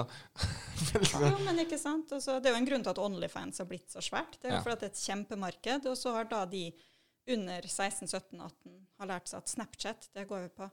Så en klasse underviste, der var det to jenter på 11 år som hadde solgt nakenbilder til voksne menn på Snapchat. I Fordi klasse, At, eh, ja. En klasse. Fordi at det hadde vært lettjente penger. Dem. De at skjønner de sikkert ikke nei, skjønner ikke konsekvensene av det. Nei, for på Snapchat så forsvinner det jo. Ja, ja, ja det Det er jo det de sier, ikke sant? De tenker ikke på at de kan ta skjermbilde. ja, Eller ta bilde med noen annen. Yes. Ja, det er vel mye du kan gjøre. De tenker ikke at de som ønsker å beholde de bildene, de finner en vei. Ikke sant? Jeg møtte ei på fest en gang som jeg faktisk syntes var litt interessant. For hun, hun, hun hadde på en måte Hun hadde fått en del dickpics. Hun har tatt bilde og lagra absolutt alle sammen hun har fått. Så gikk jeg bare sånn Den her var jo ganske ålreit. da. Hun kunne bare Ja, ja, hun kunne bare dra fram Hun, hun, hun gjorde det bare til humor, nesten. Ja. Gud. Hun var en artig dame òg, da. For så. Se på, se på den, du. Den var det liksom Ja. Ja, du OK. Jeg har ikke sånn register av masse puppebilder som jeg får tilsendt av fremmede damer. Det, Har du ikke det? Nei, jeg har ikke det. Det har aldri skjedd. Jeg skal ikke si noe. Nei, altså. det. Nei, men det er, det er mindre vanlig at kvinner sender fra seg sånne type bilder uønska. Altså, det er veldig vanlig at kvinner sender til menn som har spurt om det, eller en partner, Ja. eller sånne ting. jo, jo. Men å bare sende til et fremmed menneske, det gjør kvinner veldig sjelden i forhold til menn. Mens menn har det sånn De har ingen sånn terskel på hva som er greit og ikke. Så de dickpicsene de får, da har en sånn standardfrase. Det her er ulovlig. Nå blir du anmeldt. Det er standardfrasen. Og på Snapchat så pleier jeg å ta skjermbilde for å skremme dem litt. Fordi at da ser de at de har tatt skjermbilde. Mm. Fordi at da får man jo brukernavn, og så får man jo da bilde, og så kan man vise det til politiet. Men her er jo en av grunnene til at vi bør ha seksualundervisning i skolen nå, da. Så at du faktisk karene lærer seg for tidlig at det, ikke send den der spør først, du. Ja. Ja, altså, Hvor vanskelig er det å si 'Hei, har du lyst til å se pikken min?' Eh, no, thank you. Nei. Eller så at man kan si 'Å ja, send den'. Send den til ti stykker, kanskje ei dame sier ja. Ja, det er jo kjempetaktikk. Men det virker for meg som den der trangen i hvert fall menn har til å vise seg fram, er, har alltid vært der, eller er til stede. Og selv ikke når det, når det ikke er damer til stede. Altså, Ja. på fest Du har alltid han ene som, som tar fram kølla og eh, Altså Et eller annet. Ja, et eller annet. Det, Jeg tror ikke jeg var på en eneste fest i Trondheim uten at en eller annen kledde seg naken og sto og lekte snurrebass på et bord eller et eller annet. Det var bare Jeg er jo fra Trøndelag og kjenner absolutt til det Ja, fenomenet der. Det, jeg tror kanskje ikke motivasjonen er det samme, sånn egentlig. Jeg vet ikke. jeg tror ikke det ligger noe seksuelt bak det heller, Nei, egentlig. Nei. ikke. Det, jeg, tror, jeg har aldri oppfattet det som noe seksuelt. Det Nei. er Nei. bare fylla har skylda, tror jeg. Altså, Det tror jeg også. Jeg hadde en kompis som eh, ikke fikk oppmerksomhet engang. Så det var, her, her var helt klart jeg ville ha litt oppmerksomhet. Så han hadde jo pierca kuken sin. Så det han gjorde da for å liksom Hei, var at han tok koppen eller glasset, og så la han under bordet. Så hørte du bare ding, ding, ding, ding. Så bare faen var Ja. det? Ding, ding, ding, ding. Jeg ville bare ha oppmerksomheten. Plutselig så skjønte vi bra kommet opp. Det er kjempebra. ja, jeg, jeg, Vi skjønte ikke hva lyden var først, før du så han der ding, ding, ding. Sånn, og satte opp koppen sin. Og du skjønte jo hva han hadde gjort. Nei og nei og nei. Så da fikk du oppmerksomheten, da. Det, ja. Altså, det, altså det å være naken så det er jo ikke et nytt fenomen. Altså Hvis du ser veggmaleriene i Pompeii f.eks., og fra vikingetida, de figurene Ja, ja, man finner fra vikingetida, det er jo høyt seksualisert. Ja. Altså fra gamle Hellas og Romerike. men det var jo normale kropper òg. Jo, men det, altså, det Det er var helt faktisk- normalt. Men det å være naken og de seksuelle stillingene og, og alt det der, det er jo Mm. Det har vært her i alle tider, men så kom jo da kristendommen, og så kom jo liksom det puritanske og Fy, fy, fy. heksejakta, fy, Ja. Og da ble det jo ikke vanlig med flere partnere. Det ble ikke vanlig å ha sex utenfor ekteskap. Det ble ikke vanlig engang å ha sex på veldig mange forskjellige måter. I, til og med i Norge har det vært straffbart å ha sex bakfra på et tidspunkt, fordi at det kunne minne om homsesex, f.eks. What? det visste jeg ikke. Nei. Så det, hvis vi setter Ja. oss inn i historie, da Du får vi ikke lov til å ha doggy, Rudi. Neste gang du? Og så tenker man jo hvordan kan man sjekke, skal man gå inn på alle soverom og sjekke, men bare det at det står i loven Mm. at det ikke er lov. Og i Norge var det jo forbudt å være homofil frem til 1971. Ja, det er jo sjukt Det er jo ikke mange år siden. Ja. Ikke sant? Ikke og det å være transe, det ble jo sett på som en sinnssykdom lenge. Ikke sant? Det var jo først i 2018 at det var godkjent. At man fjerna det at uh, det ikke var en Ja. uh, mental det- sykdom. ja. 2018, ja. Ja, Det er ikke mange år siden. Nei, det Det er ikke mange år siden, nei. Ikke sant? Så det, det har vært en sånn kjempekamp å få lov til å være seksuell på sin måte. da. Å få lov til å elske den man vil, og tenne på den man vil. Så vi sexologer, i hvert fall mange av oss sexologer, uh, de som har tatt min utdannelse i hvert fall, på sexologiskolen, vi lærer jo masse om historie, og vi er jo også veldig sånn interessert, kanskje litt vel interessert, men vi leser jo masse. Over middels. Eh, så jeg har jo masse historiebøker der man setter i hvordan feminismen har prega seksuelle. ikke sant? Hvordan har matriarke, hva det kalles, matriarket, eller noe sånt. Ja, noe sånt. Ja. Noe sånt. Arket. Eh, ja, noe ark. Eh, ikke sant? Hvordan det har påvirka, og hvordan det var lov å ha sex med prostituerte hvis du var mann, men hvis du hadde sex med noen utenfor ekteskapet som kvinne, så var det straffbart. Kvinner i en periode skulle ikke vise nytelse i senga, for da kunne mannen skille seg fra henne, fordi at da var hun på lik linje med prostituerte. Altså, Historiemessig så har vi vært helt fucka seksuelt. Det er jo ikke noe logikk! Nei, nei det, Ikke sant? det er jo ikke det. I Italia, for eksempel, så har menn ofte et veldig rart syn på det her. Og jeg kjenner noen italienere, eh, og, eh, og både kvinner og menn. Og kvinnene klager jo fordi at de har kanskje lyst til å gjøre ting. Ikke sant? De vil jo utfolde seg og leke, men, men italienske menn, da, tradisjonelt sett, så, så lenge du er kjæreste med dem, og sånn, så går det her helt fint. Men når du er gift, når hun er mor til dine barn, så blir det en mentalsperre for dem. Da skal hun behandles med respekt og med dill og dall, og da er det kanskje tradisjonell, vanlig, sånn som man må gjøre. Og så har du elskerinner til å gjøre alle de der gale tingene. Og det er mange som aksepterer det. Det er nesten en kultur for det. Men uh, jeg tenker what? Det er mange kulturer som er sånn. Ja, Og Norge, hvis du ser bare Norge og Danmark, da, så har vi jo vidt forskjellige kulturer på seksualitet. Altså I Danmark kan du være naken på hvilken som helst strand. Om det er en familiestrand eller en skjult strand. Spiller ingen rolle. På, midt på brygga i byen kan du ligge og sole deg naken. er Og sånn i Norge så må ja. du på nudiststrender, eller så blir du dømt for blotting. Der er det litt delte meninger, for uh, loven sier at du skal ikke vise seksuell atferd. Jeg tror ikke loven sier at ikke du har lov til å være naken ute. Jo, du får bot hvis du er naken Ja, du gjør på det, en men- familiestrand, f.eks. Ja, det gjør du. Men hvis du tolker loven som Jeg, jeg leste det, det, ikke ta deg for god fisk, og folk Faen, bruk Google, sjekk alt, ikke sant? Eh, Google. Men det var Ja, Norskelover.no.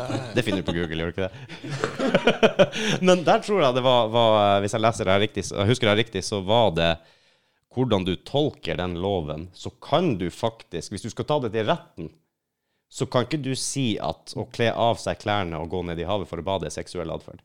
Men så er det der du må skåne folk, for det er jo ikke alle som er så interessert i å se det. Men det er jo noe av det naturligste, om ikke det naturligste vi kan gjøre.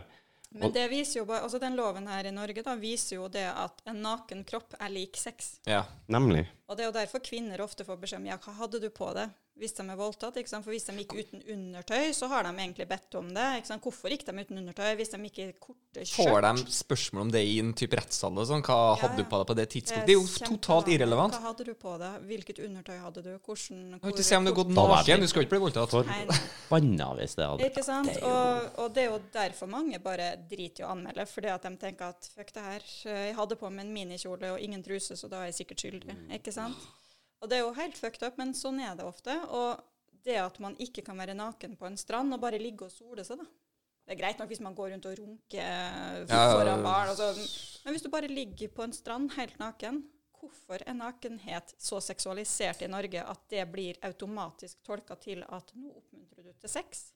Mm. Og Det gir jo ikke noe mening. nei, og da reagerte jeg litt på det, så jeg, jeg forstår hva meninga og målet er med det her, men det gir ikke mening. Nå skal jeg koble begge dere her, for jeg var i Italia Aha. som eh, du, du, du, du, du, du, Jeg husker ikke, jeg. Åtteåring. Nei, kanskje det var Hellas, så var det. Faen, da bomma jeg litt på det landet. Men jeg var i hvert fall i Hellas som eh, åtteåring. Og var med foreldrene mine på tur, da, vel å merke. Jeg var ikke alene. Eh, og, vi, nei, og vi dro på en nudistrand. Ja. De sa jo aldri det til meg og mine foreldre, at nå drar vi på en nudistrand. Og det var jo ikke noe forskjell, det var bare at folk lå der naken. Eneste som jeg husker på fra den turen der, det var jo det at Hæ, jeg tror han er Solberg på tissen. Mm. En eller annen dude som lå der. Og det, det var jo null seksualisert over det i det hele tatt. Jeg får nå bare leika og Altså, jeg var i Danmark i fjor sommer. Jeg var i Danmark i sommer òg, men i fjor sommer var jeg i Danmark sånn pre-korona. Ja. Og var på en sånn kjempestor familiestrand. Og det var utrolig fascinerende, fordi at i ene enden av stranda, der vi starta å gå, der var alle påkledd. Eh, det var liksom alle bikinier, alle hadde badedrakt og badeshorts og sånne ting. Midt på stranda der var det en sånn lett blanding. Eh, noen var naken, det begynte å bli mer og mer nakenhet. Og som borterst på stranda, der var alle naken. Så det var tydelig at det var en sånn slags skille. inn, innjobba skille på stranda, men alle kunne se alle. Så hvis Ja. du sto i den påkledde enden av stranda og så bort på den nakne delen, så var det jo ingen problem å se hva som skjedde. Og vi hadde jo ikke med badetøy, og så vi måtte jo kle av oss for å bade. Og da merka jeg nordmannen kom bare sånn strykende at liksom skal jeg kle av meg her foran alle de menneskene. Mm. For på nudiststrender i Norge så er det jo ikke akkurat fullt. Nei. Ikke sant? Nei, og jeg har ikke ikke sånn kjempebehov for å sprade naken rundt uansett, men da kjente jeg at det var sånn Her er det mange tusen mennesker. Og det er barn, altså, så skal vi kle oss naken. Så det, mens de to jeg var sammen med, de var tydeligvis veldig vant, så de flerra jo bare av seg så ut i vannet. Og Ai, det, det satt så langt inne. Og jeg er jo sexolog, jeg skulle jo ja, liksom være stolt av kroppen og Mm. sånn. Da ble jeg selvbevisst. Skikkelig dypt og brutalt selvbevisst. Men jeg flerra jo av klærne, da, og gjorde jo som de andre. og gikk Du gjorde det, ja? Men det går jo bare så lang tid sikkert før du føler at det Ja, men det er jo ingen som ser på. Nei. Absolutt ingen som bryr seg. Fordi at det er så vanlig. Ikke sant? Og rundt Mm. oss, vi var jo på litt sånn den midtre delen, så der var det jo um, påkledde og nakne i skjønn forening. Og da var det jo flere foreldre, f.eks., der barna hadde badetøy. Mm. Uh, mens noen hadde foreldrebadetøy mens barna gikk nakne. Noen var alle nakne. ikke sant? Det var sånn skjønn forening der tydeligvis at barna hadde fått spørsmål hva har du lyst til. Ja. Og Ja. hvorfor vi ikke kan gjøre det i Norge, det forstår jeg ikke. For det her var ingen problem i Danmark i det hele tatt. Alt var i skjønn harmoni. Og da blir det litt sånn Hva er det med nakenhet og nordmenn? Altså, hva, hva er det som er så farlig? Jeg har vokst opp i, fra veldig liten alder med sauna. Ja, ikke sant? Der hadde du ikke klær på. Nei. Og det ser du jo litt når amerikanerne kommer til Nord-Europa, eller Norden, i en eller annen anledning og blir dratt med i en eller annen sauna. Og, eh, I hvert fall når de er med i Finland, og en eller annen uh, semitjukk finlender skal rive fram pisken og smekke dem med noe bjørkeris. Og de bare 'Hvorfor må vi være naken?' liksom, er vi nødt til å være naken? Ja, men De har jo litt fucka forhold. I hvert fall amerikanere har jo litt fucka forhold til nakenhet. da Verdens største jo- produsent av porno og så redd for nakenhet. Ja, men jeg har jo flere amerikanske venner, Mm. og særlig en amerikansk venninne av meg. Hun, ehm, vi satt og diskuterte det med nakenhet, og jeg fortalte det, for hun spurte liksom, ja, viser du deg naken foran eh, barnet ditt, for da hadde jeg kun ett barn. Uh, og da sa jeg selvfølgelig.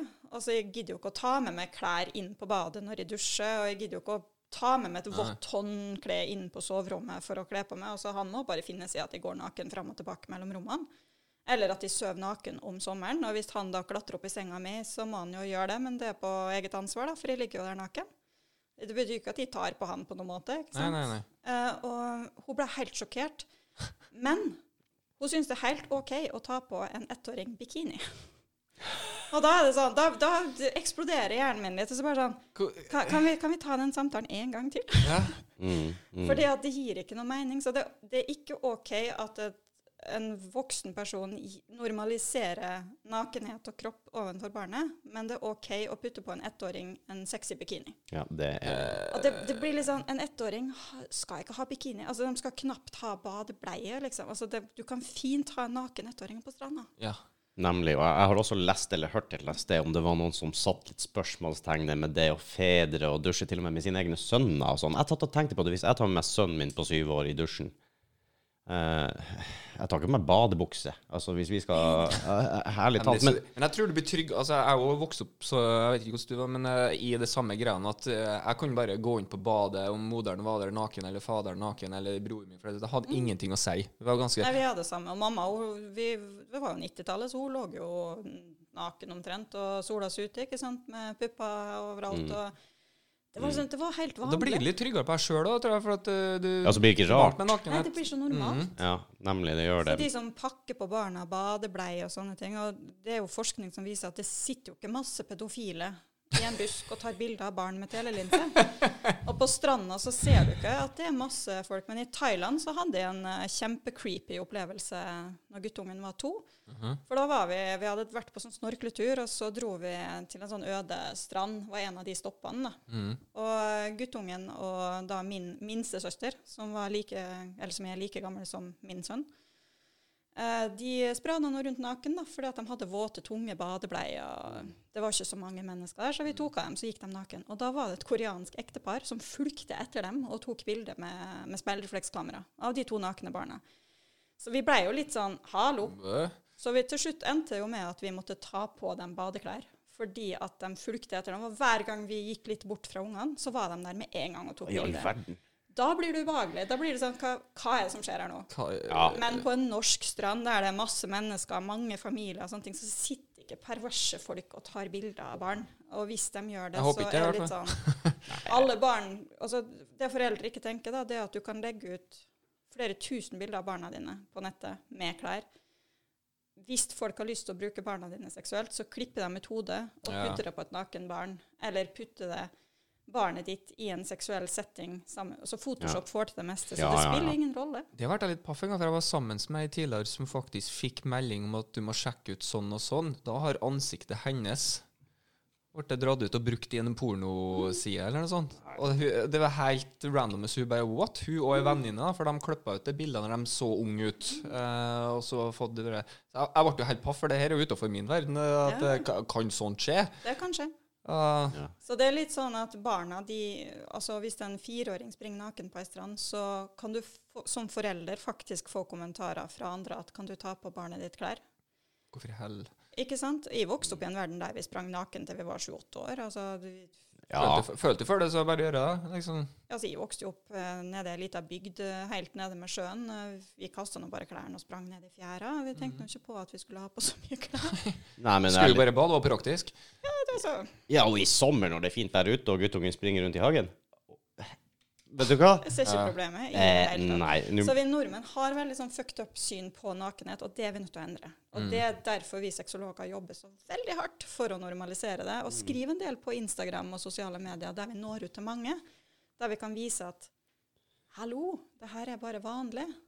Sant? ja, ja, jeg tror eh, det, det er jo alltid vært snakka om det med mye kroppspress og, og sånn, at du skal se sånn og sånn ut. Og, og det er også når jeg har tenkt på det her med influensere og kroppspress og alt det. Er, er barn og unge virkelig så mottagelig at de eh, Ja, det Jeg klarer ikke helt å, å, å sette Men jeg også fikk det veldig tidlig. Det husker jeg mora mi sa til meg veldig tidlig. Det var når Baywatch begynte å komme på TV, og det her, og når jeg begynte å bli så gammel at jeg begynte å se Når alle var forelska i Pamela. ja, og begynte å se litt på de her silikonpuppene overalt. Og, og hun sa jo det, må du huske på det her, at folk flest ser ikke sånn ut. Det er mye operasjoner, det er litt filmtriks, det er litt her og der. Noen ser sånn ut, men det er slett ikke vanlig. Og, du må, og det husker jeg fortsatt en dag i dag, at hun sa det. Og det kan godt ha hjulpet meg veldig mye på vei, altså.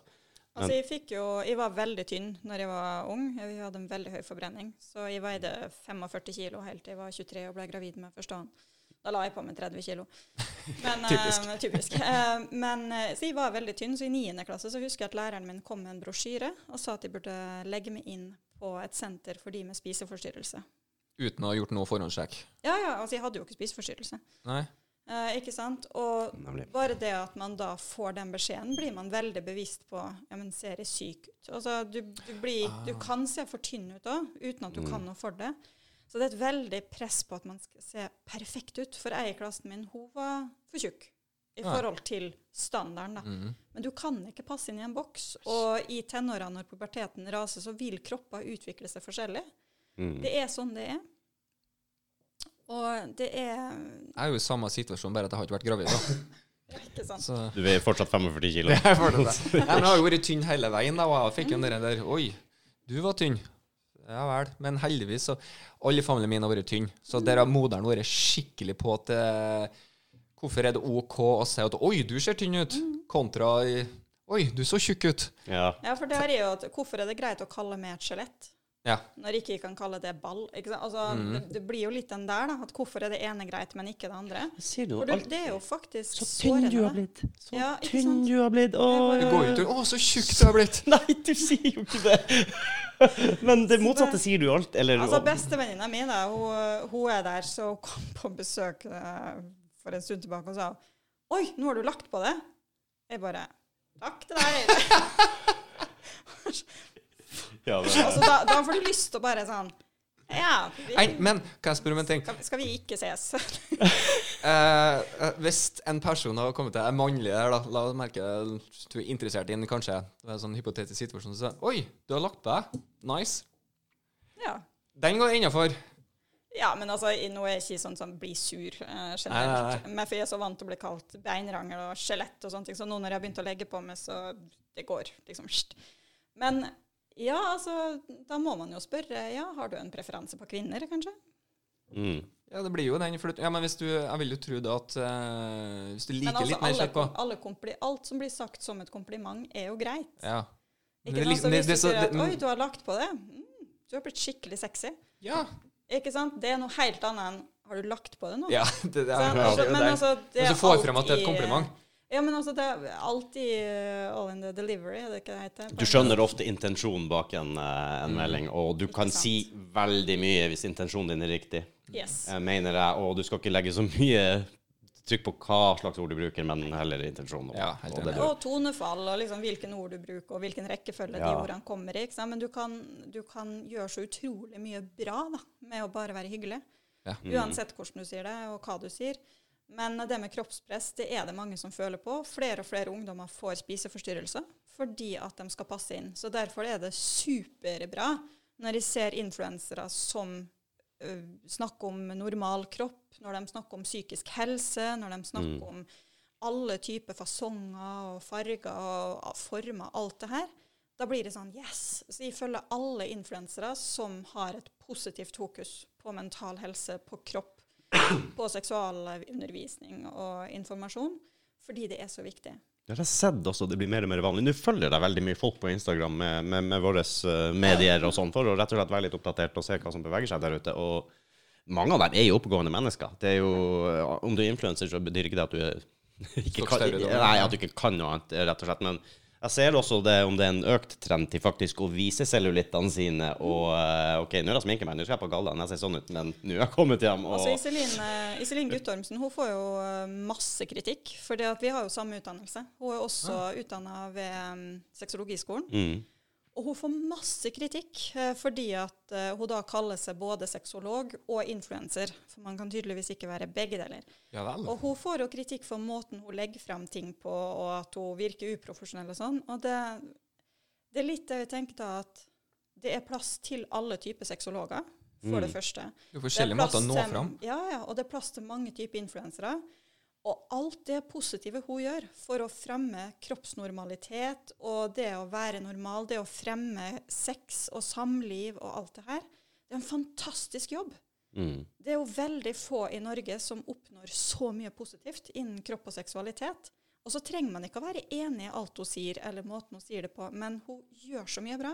Mm. Og da er det også urettferdig å kritisere henne for de småtingene som Ja. kanskje ikke er bra. ikke sant? Og det, det må vi huske på, at alle som bidrar til å informere om sex og kropp og normalisere ting og sånn, de må vi heie frem. Selvfølgelig. Og Du vil jo alltid er reagere. Ja, og du vil jo reagere forskjellig, folk også. Altså, det er ikke sikkert Matti syns noe er greit, men jeg syns ok, det er helt OK. Så, og det er jo, hun kan ikke bare tenke på hva noen syns er greit, og hvis hun bare legger det ut der Og det, det kreves litt, hvis jeg kan si det sånn, baller Ja. for, å, for, å, for, å, for å drive med det. Men Som er litt dumt at de sier egentlig den mest sensitive biten på hele det. Du har baller, da er du tøff. Nja, jeg vet ikke. ja, Nei, altså, Betty White hun sa jo det så bra, at nemlig. eh, hvorfor man eh, sier at man skal grow some balls når man er tøff. ikke sant? For det er mest sensitive, de tåler jo ingenting. Men uh, grow a vagina, because they can take a pounding. Altså, da tenker jeg bare Jeg har sett den greia der. Jeg flirer så gærent. Ja, det er jo logisk det er òg. jo sant. Ja, det er altså, det, det. er jo, det er jo flere som har sagt med, «Å, du må få litt mer baller for å bli tøffere. ikke sant? Bare sånn Er du klar over at hvis du knipser det på ballene, så knekker du sammen? Så er du Altså, småkvalm et kvarter etterpå. Ja, ja både bikkja og guttungen fikk seg en ordentlig overraskelse, for vi raser, og pappa tåler alt, ikke sant? Og vi er ute og holder på å styre. Og plutselig så var guttungen litt borti meg, og far ligger nede i full fosterstilling. Og bikkja bare så skjer det jo. Guttungen bare The weak spot. Da måtte mor gå inn og eh, Nå skal du høre her. det, det, han er ikke usårbar. Det, når du treffer på riktig sted, så har det en tendens til å Altså, vi merker når barna kommer med hodet først og skal stange, og så treffer de rett på vulva eller Venusberget. Man merker jo trykken, men jeg kunne aldri funnet på å legge meg i fosterstilling, for det, jo det er jo ikke smertefullt sånn sett. Så den er nok rose on balls. Det der er sånn her noe matriarkdritt. Ja. Vi det er mister sånn, rett og slett funksjon i beina når det skjer. Har du sett det? Alle går ja, rett ned. Ja, ja, alle. Det er ikke snakk om Og så det. er det et, det er et sekund ventetid. Ja, for du er Er det usikker ikke på hvor matriark? Patriark er det heter? Jeg tror det er patriark. Ja, Ja. ikke sant? Patriark. Nei, vet. Det er et ark, som vi sa. Det er et ark. Vi, nei, for det, du har jo det sekundet med delay. Jeg vet ikke hvorfor, jeg, men det er for at nervene skal komme fram til resten. Nei, men det er sånn, dunk, og nå får jeg opp. Wait for it. Der. Hvor ille blir det? Ikke sant? Så kan du være der, ja. Men det er, det er noen sekunder der hvor du Det kan gå alle veier der. Eller det går som regel bare én vei, men hvor ille blir det? Det var det, det spørsmålet. Uff a meg. Altså er det jo flere som spør meg ja, men hvorfor er testiklene på utsida av kroppen når de er så sensitive. Jeg tror jeg vet det. Jeg tror jeg Ja, vet det. fortell! Eh, For de trenger en annen temperatur enn resten av kroppen, er Det det? er helt riktig. Ja. De er nødt til å være to grader kaldere, faktisk. Boom, boom. Dropping some knowledge. Det er, derfor de, det er derfor de flytter seg. Så hvis dere ser at det er veldig varmt, så henger de lenger ned, lenger ned fra kroppen. Men når det er kaldt, så trekker de seg opp fordi de henter kroppsvarme. Jeg har, Nå outer jeg nesa mi som stakkar, hun er jo bare tolv år gammel. Men når hun var lita, så var det sånn NRK Supergreier på TV-en ikke sant, som handla om noe nakenhet og greier der. Og der hadde de en video der de tok en isbit og la det attmed en pung. Å! Og så så du reaksjonen. ikke sant? Den bare trekket deg sammen. Det var det artigste hun hadde sett i hele sitt liv, så den gikk jo på repeat. Hun holdt på å flirte seg i hjel, for hun hadde aldri sett noe så rart. Ikke sant? Og jeg, når jeg så det, jeg bare daua av latter sjøl òg, men altså Begrepet sydenpung, det kommer fra et sted. Du, verdens i utgangspunktet beste idé, som alltid er en dårlig idé, nakenbading. Det er som mange karer altså, Yes, nakenbading. Oi, nå får jeg Jeg husker jo i den rette alderen som bare, nå får jeg se pupper og alt sånt der. Du tenker ikke på at med en gang du dupper nedi, så er det ikke noe mye manndom igjen lenger. Altså, du trekker jo inn med den gang du tåa treffer, fordi at kroppen bare Nå må vi bare beskytte alt Ja, ja. som kan. Dette var så bra idé. Den var ikke noe lenger. Kommer det opp snart, Mattis? Vent, da. Men det er jo enda verre å være han som ja, eneste som ikke går uti. Ja. Det kan jo ikke være han heller. Nei, nei, nei. Eller du, du bør jo kunne fint være det, da, men da får du jo høre det. Altså I Trondheim så hadde jeg jo nesten bare mannlige venner, så jeg holdt jo på å risikere livet. For de skulle jo være så innmari tøffe da, hoppe fra tre meter og fem meter og gi med drastisk høydeskrekk. Jeg måtte jo opp, da. Jeg kunne jo ikke være eneste kvinne i flokken Ah. som ikke turte, for det hadde jo blitt kalt pysa resten av livet. ikke sant? Klart Og flere av dem var jo sexpartnere i tillegg. ikke sant? Man kunne jo ikke dummes ut foran dem. Du skal være tøff. Skal være. Så man måtte jo hoppe fra tre meter og fem meter og sånn. Jeg bare, å herregud.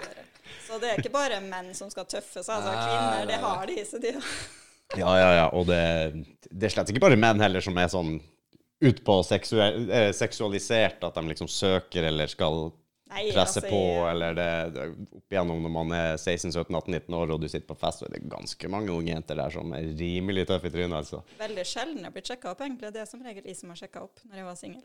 Sier du det? Ja. Ja, ja. Er det for Ja, hvorfor Altså, det?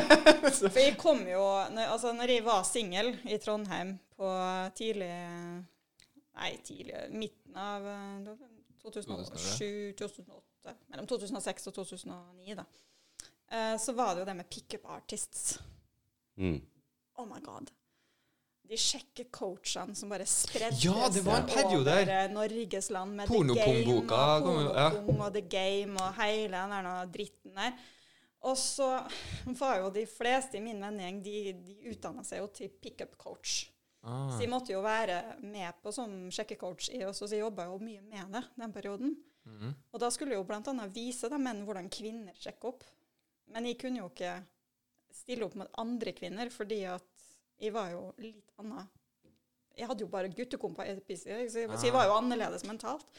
Men da skulle du jo inn på det der, og de som sjekka opp med, da, som ikke visste at jeg var en del av den gjengen, de brukte jo akkurat det samme Ah. det gamet da, som de Så du bare skjønte med en gang? så Jeg vet hva det sånn. Å, du har vært på kurs med han, ja. ja men, men du la frem den linja der bitte lite grann feil. Skal vi gå gjennom hva Hvis vi formulerer det sånn neste gang, så kanskje Og Trondheim er en liten by, så jeg fikk jo rykte på meg for å være den bitchen. F- ja, for at er noen tåler det jo ikke Nei, altså, da ble det jo um, da ble det jo jeg som gikk og sjekka opp. Men det var også greit. Da fikk jeg jo velge, da. Da kunne jeg være litt selektiv. Det Men eh, Nettby ga ganske mange Nettby, vet du. Nettby, der fikk jeg noen eh, blind dates som eh, har blitt noen ekstremt gode historier. Åh, ja, for, du, for jeg tenker, der har jeg veldig tankegang. OK, det ble ikke som det ble, men det ble en jævla bra story. Oh yes. Så uh, Risør, blant annet. Jeg skal ikke fortelle en historie nå, for den er litt lang. Men uh, jeg havna i Risør, så kom det en fra Arendal som var sånn superkristen. Ja. Og det ble en eh, veldig interessant date. Det ble ikke sex, men det ble en veldig interessant date. Ja, det er mange spørsmål, vil jeg tro. Fram og tilbake, Eh, eventuelt. Nei, jeg fikk forklart at jeg oh, ja. som eh, For han var veldig på hvor mange sexpartnere jeg hadde hatt, da, så okay. jeg sa ikke noe tall, for det pleier jeg ikke å si til menn. Nei. Um, eller til noen, egentlig. Det, Det er ikke noe man går og sier, som regel. Jeg tror jeg var sammen med deg i over tre år før jeg fikk høre et tall. Ja, ah. det, det, det, liksom, det har jo ingen noe betydning. Nei, det har jo ikke det. Sant? Litt Så- rann, om du er erfaren eller ikke. Nei, Du kan kanskje ha- ikke. Du kan ha sex med 100 stykk og fortsatt være dårlig i senga, så er sant, sant. du, så sant du ikke er god på kommunikasjon. For det er kommunikasjon som gjør det til en bra sexpartner. True.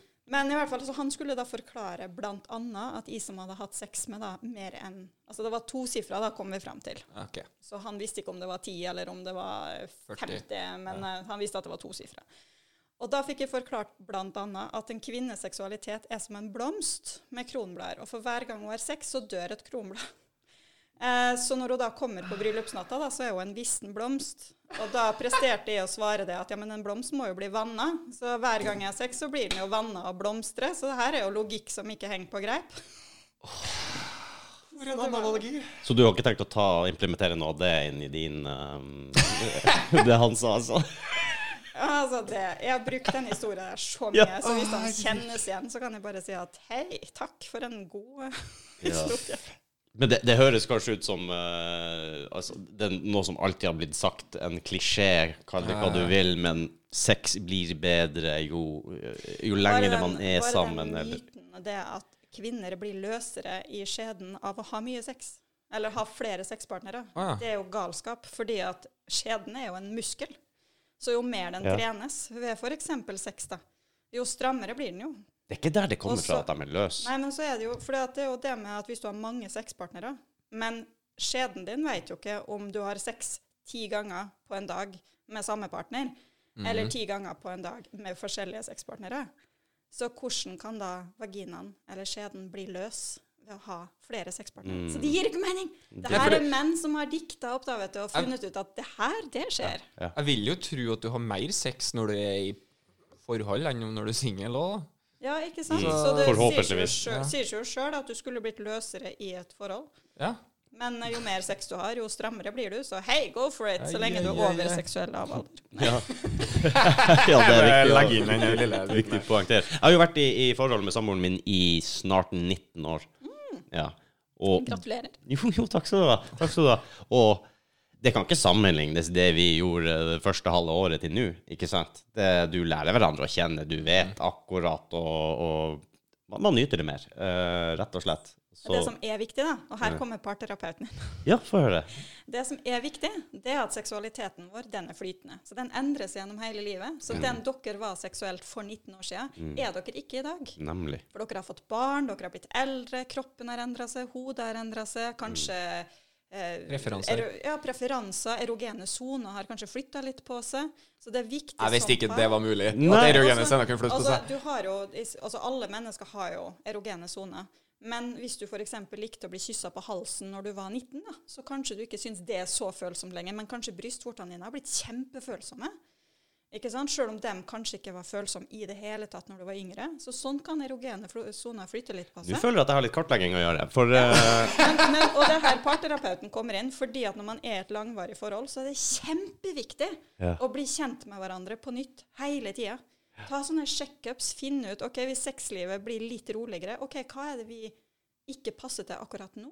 Mm. Har noe endra seg? Er det noen ny type sex vi burde prøve? Er det noe annet vi må gjøre? Kanskje oralsex må gjøres på en annen måte? Kanskje vi har endra litt preferanser? Ja, tilbake til kommunikasjon man- ja, igjen. kommunikasjon. Ja. Så man må bli kjent med hverandre gjennom hele forholdet, seksuelt også. Og man kan ikke stoppe opp og si at OK, vi gjør ikke det samme som når vi var 19, vi er ødelagt seksuelt. For det er mange som sier nei, vi, vi skulle ønske vi hadde den sexen som vi hadde for ti år siden. Ja, du kan jo ha det bedre nå. Jeg hadde ikke bytta. Tror. Nei, altså, sexen hadde da jeg var 19, mot nå Nei, ikke heller. Jeg hadde ikke bytta. Nei, nei, overhodet ikke heller. Ikke sant? Så man er nødt til å bli kjent Ja. og, og finne ut hvor er vi i dag. Og særlig etter barn, så er man nødt til å bli kjent på nytt. Og det gjelder spesielt for kvinnen som har gått gjennom så store endringer i kroppen og ofra Mm. kroppen sin ganske lenge. da. Med først svangerskap og så amming, og hvis de ikke ammer med flaske og nattevåk og herregud. Alt som følger med. Alt som følger med. Så det er vanlig for kvinner å ikke bli klar for sex før ett til to år etter fødsel. Ikke Mm. sant? Og det er mange menn som har problemer med å forstå. Og da er det viktig å snakke sammen og finne Mm. ut ok, hva er behovet her. Og der kan en sexolog eller en parterapeut eller en som er begge deler, være til veldig god hjelp. For å bli kjent med hverandre på nytt. Si ifra at det Kjipt, men sånn er det nå. Ja, det, det, er jo, Altså. det er jo det. Jeg, kan, jeg, vet, jeg vet ikke om vi skal snakke om det, men, men eh, når samboeren min var gravid, så er det jo også oppe i en situasjon etter hvert. Men eh, det var jo ikke hun som eh, satte, satte stopper for det her. Det I svangerskapet er mange svangerskapet. kvinner kjempekåte. Ja, og der var det mer når vi kom til et punkt der, så Nå vet jeg ikke om jeg rett og slett eh, tør, tør mer. altså, det, du måtte begynne å tenke det flere ganger. Å ja, for du, du fucka litt med Ja, det fucka litt med det, for nå Ja. Du, jeg skal ikke gå veldig inn på det her, men, men da var det litt sånn der eh, OK, er du sikker på at det her går bra? Er det Ja, men vel, mange menn tror jo at de kan skade babyen ved å ha sex. Ja, jeg visste jo at jeg ikke gjør det. Jeg vet at det er helt trygt, Jo, men det det er noe sånn psykologisk likevel. Jeg er s- nei, ti centimeter fra guttungen. Du skal ha Eh, altså, penisen, du skal ha penisen inn der ungen skal komme ut. ja, det blir en konflikt der. Så Ja, men det, Jeg vil jo tro at det fucker litt med hjernen. Ja, det gjorde det med meg. Det gjorde det med meg. Jeg måtte tenke meg eh, nøye og lenge om. Og jeg vet jo, vet jo at det er ikke skadelig. Vi snakka med leger, og det er jo anbefalt, og det er jo ikke måte på. Men det gjør noe med deg der. Det er liksom eh, Du har jo ikke sex med barna dine i samme rom når de er Ikke sant? Så det her ble for meg på en måte det, da. Det er mange som har sex med barna i samme rom. F.eks. babyen sover jo ofte et år Jo, på soverommet. ja, det det er er flere foreldre som Ja, har sex og på soverommet. For å være ærlig, opp gjennom generasjonene så har man jo ikke hatt hvert sitt soverom alltid. Nei, nei, nei, Eh, så det, det er sant. Og det, det er ja, det. er helt normalt at kvinnen er kjempekåt i svangerskapet. Og det er også normalt at hun mister sexlysta, så alt er normalt. Og det mange menn da ikke forstår, det er at hun kan miste sexlysta etter at babyen er født. For hun var jo så veldig kåt i svangerskapet. Og det er en sånn bro som er vanskelig å krysse for mange. Og da er det fint å kunne snakke med noen der man kan ha en tredjeperson å åpnes opp for, og som kan sitte og forklare hvordan kroppen fungerer, og hormoner og amming og psykisk og fysisk og alt det her. Ja, det Så tror jeg. det er en stor del av jobben min å veilede småbarnsforeldre og kommende foreldre og kurse dem rett og slett i hva som kommer, og hva som er normalt og ikke. For det er mange menn som går og kjøper buttplug for eksempel, da, en uke etter fødsel, for at hun kan ikke bruke skjeden. Men eh, la oss prøve noe annet, ikke sant? Og så sitter kvinnen der og bare Full av håp! Ja, full av håp. Det er jo ikke greit hvis kvinnen ikke har spurt om kan du gå og kjøpe en buttplug, ikke sant? Altså, Nei, det et er voldsomt press da på den stakkars som Er ikke? Altså, jeg har hørt veldig mye rart som sexolog, da. til og med som mann, så Altså, jeg stoppes ikke å bli forundra over andre menn. Nei. Det, Og hvor lite grenser, og hvor mye du skal finne på. Nei. Ah. Det er veldig mye rart. Jeg har hørt så mye. Jeg har jo jobba i uh, sexleketøysbutikk. Mm. Og solgte for i hva var det, 2009 eller noe sånt. Da jobba jeg det. Og jobba med sexleketøy flere ganger. Og altså de spørsmåla fra menn som kommer inn, de, de blir liksom Du mister troa på noen Kan ikke skrive dem opp og lage en bok. Jo, det, altså jeg har begynt å skrive ned litt sånne erindringer, og det var Jeg må fortelle en historie, for den var litt morsomt. Stakkars. Det var jo ikke en spørsmål fra en far, men det var en far som ble satt i en veldig kjip situasjon. Av en eller annen grunn så kom det inn en pappa som hadde med seg en sånn fire-femåring Mhm. gutt. Eh, bare det å ta med seg barnet sitt inn og inn i pornoavdelinga, det var litt sånn Tidlig krøkes. Eh, Spesielt. ja, det, altså, det var en første gang. Ja. Eh, og så på vei ut så sier guttungen at 'Pappa, hvorfor har de damene mye finere pupper enn mamma? Og da var det sånn mm. Så jeg trakk meg sånn et skritt tilbake, og så sto jeg og stirra på pappaen og så tenkte nå må det komme et bra svar. Og han bare Nei, det er fordi de har operert det, gutten min. Og han bare Skal du kjøpe operasjon til mamma i julegave? Jeg bare tenkte her er en familiedynamikk som er litt merkelig. Men bare at det skjer. Så det var sånn en helt normal samtale mellom far og sønn. Og jeg bare ja, ja, ja. Han så ikke flau ut? Det er Overhodet ikke. ja, men Greit at vi i hvert fall får svar på det. Ja, Det var operasjon. Og så må det bli opp til pappaen at han skal forklare hva som, hvilken operasjon. Ja, det Jo, det Så guttungen var helt tydelig på at pappaen kunne jo kjøpe operasjon i julegave til mammaen. Det var ikke noe ja, problem. nei, nei, nei, så ikke noe problem. Så det var han som fire-femåring, men det kan ikke ha vært eldre enn det, det kan jo ikke være sånn kjempebra Nei, og så- bare ha, Så enkelt. Vi kan bare kjøpe operasjon. Men det var jo en mann også som kom inn, og skulle, eller det var flere, men spesielt en da, som skulle ha en vibrator Mhm, eh, til kjæresten, fordi at hun fikk aldri orgasme. Mm -hmm. altså, men, men har hun bedt om å kjøpe en vibrator? Han ba nei, nei, men eh, Han var overbevist. Ja, ja, han var helt overbevist om at det var det hun trengte. Så jeg bare ja, men da kan du kjøpe en sånn basic en som det her. Og så kom han tilbake ei uke etterpå og skjelte meg ut, for det hadde jo ikke funka. Hun hadde jo ikke fått orgasme med den vibratoren. men så, men, men har du snakka med henne hvorfor hun ikke får orgasme, eller hva som skal til for at hun får orgasme, og får hun orgasme på egen hånd? Ikke sant? Det er noe, da har du snakket, nei, nei, det kunne han jo ikke spørre om. Men du kan komme og kjøpe en vibrator uten at hun har. Det følger jo ikke så med noe Det er så veldig mye merkelig Det er noen sjumilssteg der. Ja, det er noen sjumilssteg der. ja, Så kommer vi tilbake til kommunikasjon. Hva har skjedd der? Ja, det, det er åpenbart en mangel. og Som det, sexolog skaper den kommunikasjonen. Det er sånn, vi, nå skal vi snakke sammen her. Har du sagt det til partneren din? Nei, aldri. Har du lyst til å prøve? men det er jo også kanskje derfor mye at sex ofte blir bedre med tida. Man, det er fordi at du kjenner hverandre bedre, det blir lettere å kommunisere.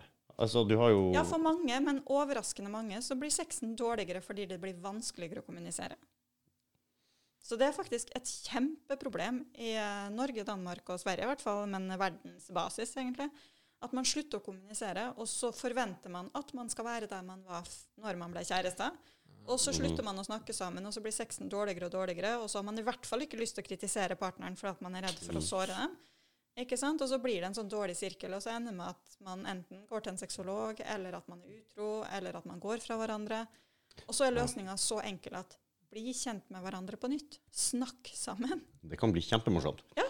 Uh, det, det, det der er Ja, men, ja. Jeg har så mange venner og kompiser eh, opp igjennom årene som har vært i faste forhold over tid, og det er veldig mange som ikke føler at de får det nok, da. Det er, er sånn klassisk det fruen vil ikke.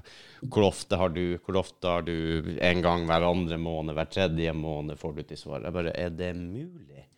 Men det kunne sikkert vært mye løst også med kommunikasjon, og akkurat det du sitter og sier. Jeg tror det er ikke sikkert fruen har så lyst hvis det ikke gir henne noe, det er ikke noe kommunikasjon. Det blir kanskje en sånn en, en vane eller en uh, Altså åtte av ti kvinnelige klienter jeg har, de har pliktsex med partneren sin. Pliktsex. Ja. Ja. Og pliktsex, det er Altså det er forskjell på den sexen man har, at man kanskje ikke er så veldig tent når man begynner, men at man blir tent underveis, og så er man fornøyd etterpå. Mm. Det er fantastisk sex, for det kalles responsiv lyst. Altså du, du får lyst fordi at du responderer på noe Mm. partneren din gjør. Men pliktsex er når du har sex når du egentlig ikke har lyst. Og sjøl om du kanskje kan bli litt sånn tent i løpet av akta, sånn, så føler du det kanskje brukt, eller du føler det lei deg, eller du føler det trist etterpå. Da er det pliktsex. Og hvis Mm. du har pliktsex som en regel, så mister du sexlysta fordi at det blir en jobb. Det blir nesten en voldtekt mot deg sjøl, fordi Mm. at du tvinger deg sjøl til noe du Ja. ikke har lyst. Og i veldig mange tilfeller så er partneren helt uvitende på at du yeah. egentlig ikke har lyst på sex, fordi at du sier jo ja. Ikke sant? Mm. Og så sier de ja fordi at de ikke ønsker å såre partner, eller fordi at de ikke har lyst til at partner skal være utro. Så det blir en sånn Mm. plikt å gi sex, for da blir kanskje partneren fornøyd og blir hos dem. Og det er jo kjempetrist. Tenk så mange som har det Ja. sånn. Ja, det, Istedenfor å kunne ha et fabulous sexliv med masse sexlyst, hvis man bare hadde funnet de riktige knappene. nemlig. Ja, kommunikasjon, ass. Det, det bunner tilbake. Det, det er det shit. Derfor Det, jeg tenker på at Det er jo sikkert en kneik der òg, hvis det er noe som du du trenger ikke nødvendigvis være en kink heller, men det kan være noe du liker sjøl, og så tør ikke du å si det til partneren din som du har vært sammen med i mange år, og at jeg kanskje ikke kan prøve dette her, men så er du usikker, og så blir det bare Ja, det blir ingenting av det. Mm. Og så viser det seg at for alt jeg vet, så vil jo dama Ja ja, det her var jo kjempegreier, men det tør ikke hun heller ikke å spørre om. Jeg hadde et klientpar en gang eh, som kom inn, og jeg har fått lov til å dele det. Det er jo selvfølgelig anonymt, men de har sagt Mm. at de kan dele historier anonymt. Tror du kan løfte mikrofonen litt, for det detter bort bitte litt av og til. Jeg lurer på om den kanskje blir litt siggen den her. Å ja. Sånn. Der. Så blir det bedre. Jeg tror det, ja. Jeg tror det, for du får se litt Ah, pass på den her. der. Jeg vet det. Nei, og de eh, kom inn, og de hadde problemer med sexlivet, da, fordi at han hadde tydeligvis lyst til noe som hun ikke hadde lyst til. Trodde han. Mm. Og det var å gå på en sexklubb. På swingersklubb. Ja. Og han var livredd for å ta det opp med henne. Og så i sofaen hos meg, da, så sa han sånn helt stille og forsiktig at ja, nei, det var det han kunne ha tenkt seg å prøve, da, men han var så redd for at hun skulle gå fra han eller bli sur på han og sånn. Og så sitter hun så sier, Det har jeg hatt lyst til å prøve i ti år. Hvorfor har du ikke sagt noe? Ikke sant? Og det var bare sånn Å ja, da var vi vel egentlig ferdig med timen. Det er en sexklubb i Danmark jeg kan anbefale. Vær så god. Here you go. Here you go, ja. Da kan du se. Ja, men det, Skal det, dere det ha litt jo. hvor- informasjon om sexklubb? Det var han som var livredd her nå, var ikke det? Ja. For å si, ja, ikke sant? Jeg kan se den situasjonen. Mm, At, og hun eh, hadde jo ikke hatt lyst til å si noe, for hun var jo livredd for at han skulle bli skremt, og redd for at hun skulle forlate den for noen andre. og alt De tror hun har vært sammen i 15 år, og så ja, plutselig De så hadde vært sammen i 25. Ja, eller noe sånt. Og så plutselig bare du eh, Jeg kunne tenkt meg trekant. Og så er du bare redd for å få respons. Er det en slags gris jeg har vært i lag med? Jeg har aldri visst du, det er jo Du blir livredd for det, ikke sant? Men uh, kanskje man bare må være ærlig. Men Og også så- som terapeut, da, erfaringsmessig, de som kommer med ønsker, det er ikke alltid de får en sånn overstrømmende reaksjon fra partner. Men det er veldig sjelden de får en utelukka negativ reaksjon. De fleste er litt sånn 'Å ja, nei, det visste jeg ikke'. Jeg vet ikke helt om jeg er der nå, men kan vi snakke litt om det? Ja. Ja, men jeg syns det er tøft gjort til dem som faktisk foreslår ting. For det er stor forskjell på kvinnfolk der òg. Om hva de faktisk tør å spørre om. alt sånt der. Og jeg har jo fått spørsmål der, vet du hva, det er ikke helt der jeg er. Men jeg setter så pris på at du faktisk tør å spørre, da. For da, da kan, mm. kanskje det kommer et annet forslag senere som bare er med. ja, og så får det deg til å reflektere litt òg, tror jeg. Eh, begynne å tenke litt sjøl òg. Er det her noe Er det faktisk Og hvis du tenker over det, så kanskje du begynner å finne ut om det er noe du vil prøve eller ikke. Og så Det er jo mye man kan bli enig om å prøve som kanskje ikke er så veldig voldsomt. Det er lov til å prøve og feile. da. Ja, altså, hvis, du, hvis du har lyst til å prøve en swingersklubb, f.eks., så kan det være lurt å dra til en sexolog og spørre om råd. Ja. Sånn kan du fortelle meg om swingersklubb. Og da er det jo litt det der å få informasjon. Man leser om det på nett. Swingersguiden.dk f.eks. har jo masse tips og råd, og de rater jo klubber i Danmark og i Norden generelt. ikke sant? Der man kan si at OK, den er anbefalt, OK, den er ikke anbefalt. Og få informasjon, og så kan man kanskje prøve det en gang. da. Og hvis man finner ut at det her var kanskje ikke noe for oss, så har dere prøvd i hvert fall. Ja, da veit du det. Sånn, Da vet man det. Og de som har lyst til å prøve BDSM og sånn altså, Du trenger ikke å starte med å henge opp ned på en kors i en kjeller nede i Trondheim. Ikke sant? Altså, du, kan, du kan starte med å kjøpe en sånn BD, sånn bondage starter kit. Du kan kit. starte med en liten pisk. Ja. Ja, men altså Kjøpe et sånn starter-kit med noen sånn uskyldige håndjern og en liten pisk og et øyebind, ikke sant? og så prøve litt sånn forsiktig. Og se er det her noe som passer oss. Og så heller lese seg litt opp på det. Sant? Og de som begynner med rep, f.eks., de trenger ikke å starte med å henge ned fra taket. og og liksom de mest uh, alvorlige knutene, det må man gå på kurs for at det skal bli trygt. Mm. Men å kunne starte litt med noen hender og ta et kurs sammen og gjøre det til noe spennende, så betyr det ikke at man må gå all out. Nei. Men da har man prøvd. Man har sagt at oi, skal vi prøve noe nytt sammen? Jeg tror det er er ganske mange som har en sånn lett BDSM. Og i hvert fall etter eh, Er ikke det det i The Fifty Shades og alt det som har kommet i til det vi kan siste? ikke diskutere Fifty Shades. Det er sikkert så mange, så mange som, damer og mødre og husmødre og koner og, som har sittet der og bare Problemet med Fifty Shades, da, og de som er i BDSM-miljøet, de må du ikke snakke Fifty Shades med i det hele tatt. OK. Jeg har ikke sett det sjøl, altså. Jeg vet Men, egentlig ikke hva som eh, foregår. Men eh, det som er med Fifty Shades of Grey, da, det er jo hovedsakelig om et veldig psykisk voldelig forhold. Sier du det? Så det har jo egentlig usynt. ingenting med, Åh, det med ordentlig BDSM og dominans. Jeg har ikke sett å verken gjøre. film eller bok, så Så for reglene innen dominans og BDSM, de er så tydelige. Og Ja. de som jobber med det der, de sier Mm. at Fifty Shades har ingenting med det å gjøre. Uh, og den, eh, den blir jo sett på som 'Å, han er Grey, han er så romantisk', og, og han Altså, det er jo stalking. Og det er jo manipulering og kontroll hele veien. Skal vi dyrke det, liksom? Ja, Altså det, så de som leser Fifty Shades og ser på det som en romantisk historie, tenker ta en liten prat med psykologen din. Oh, ja. Akkurat, ja. For det, det er faktisk en ganske alvorlig historie. Eh, eh. Og en alvorlig skildring om eh, et, en type forhold som mange lever under. da. Mest kvinner, men også menn lever i psykisk og fysisk voldelige forhold. Mm. Så um, det er en sånn til ettertanke. Det er til ettertanke, ja. Vi må begynne å avslutte etter hvert, da, selv om det her var meget interessant. vil jeg si. Jeg kan komme tilbake, vet du, Ja, vet du hva jeg tenkte akkurat å foreslå deg, for jeg har ikke kommet gjennom halvparten av lista mi her engang. Eh, og jeg har fremdeles sittet igjen med masse spørsmål. Ja, ja, ja. Jeg kan avslutte med, med kjapt og gærent, i hvert fall. Eh, vi var inne på swingersklubb. Eh, jeg kjente en gang i tida en Ja, jeg skal tipse dere om Oslo sine undergrunnssvinger. Nei. eh, jeg kjente en som jobba som bartender på en swingersklubb i Oslo. Ja, Det er mye ligging.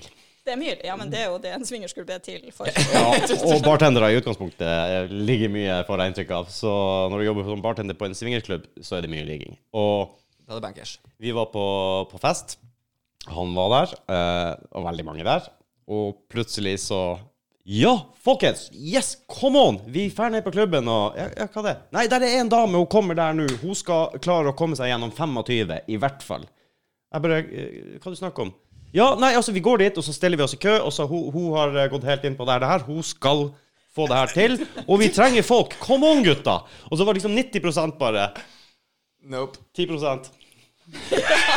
Det, men det kan jeg faktisk se for meg. Da, da tenker jeg prestasjonsangsten kicker inn hos ganske mange. Og bare skal vi stå i kø for å ha sex med ei dame? jeg har trukket meg tilbake. Bare gjør dere vil, dere gutta. Det går Jeg skal ærlig innrømme, prestasjonen hadde ingenting i mine tanker å gjøre. Det var bare uh, Hvor mange har vært der før meg? Ja, altså piske i andre sin krem, som vi sier. Det er ikke min, min drøm. Jeg vet Da ikke. man bare håper at hun bruker kondom eh, på gutta boys som stilles opp. Ja. Bare står der med kondomen Så klar og bare risiko, altså. Men jeg trodde på det tidspunktet nesten ikke at det eksisterte engang. Det er noe du kanskje har lest om, hørt om, sett på film, whatever. Men nei da. Det er, ja, det er ganske vanlig. Ja. Uh, Og det er, det er faktisk kvinner som lever av det.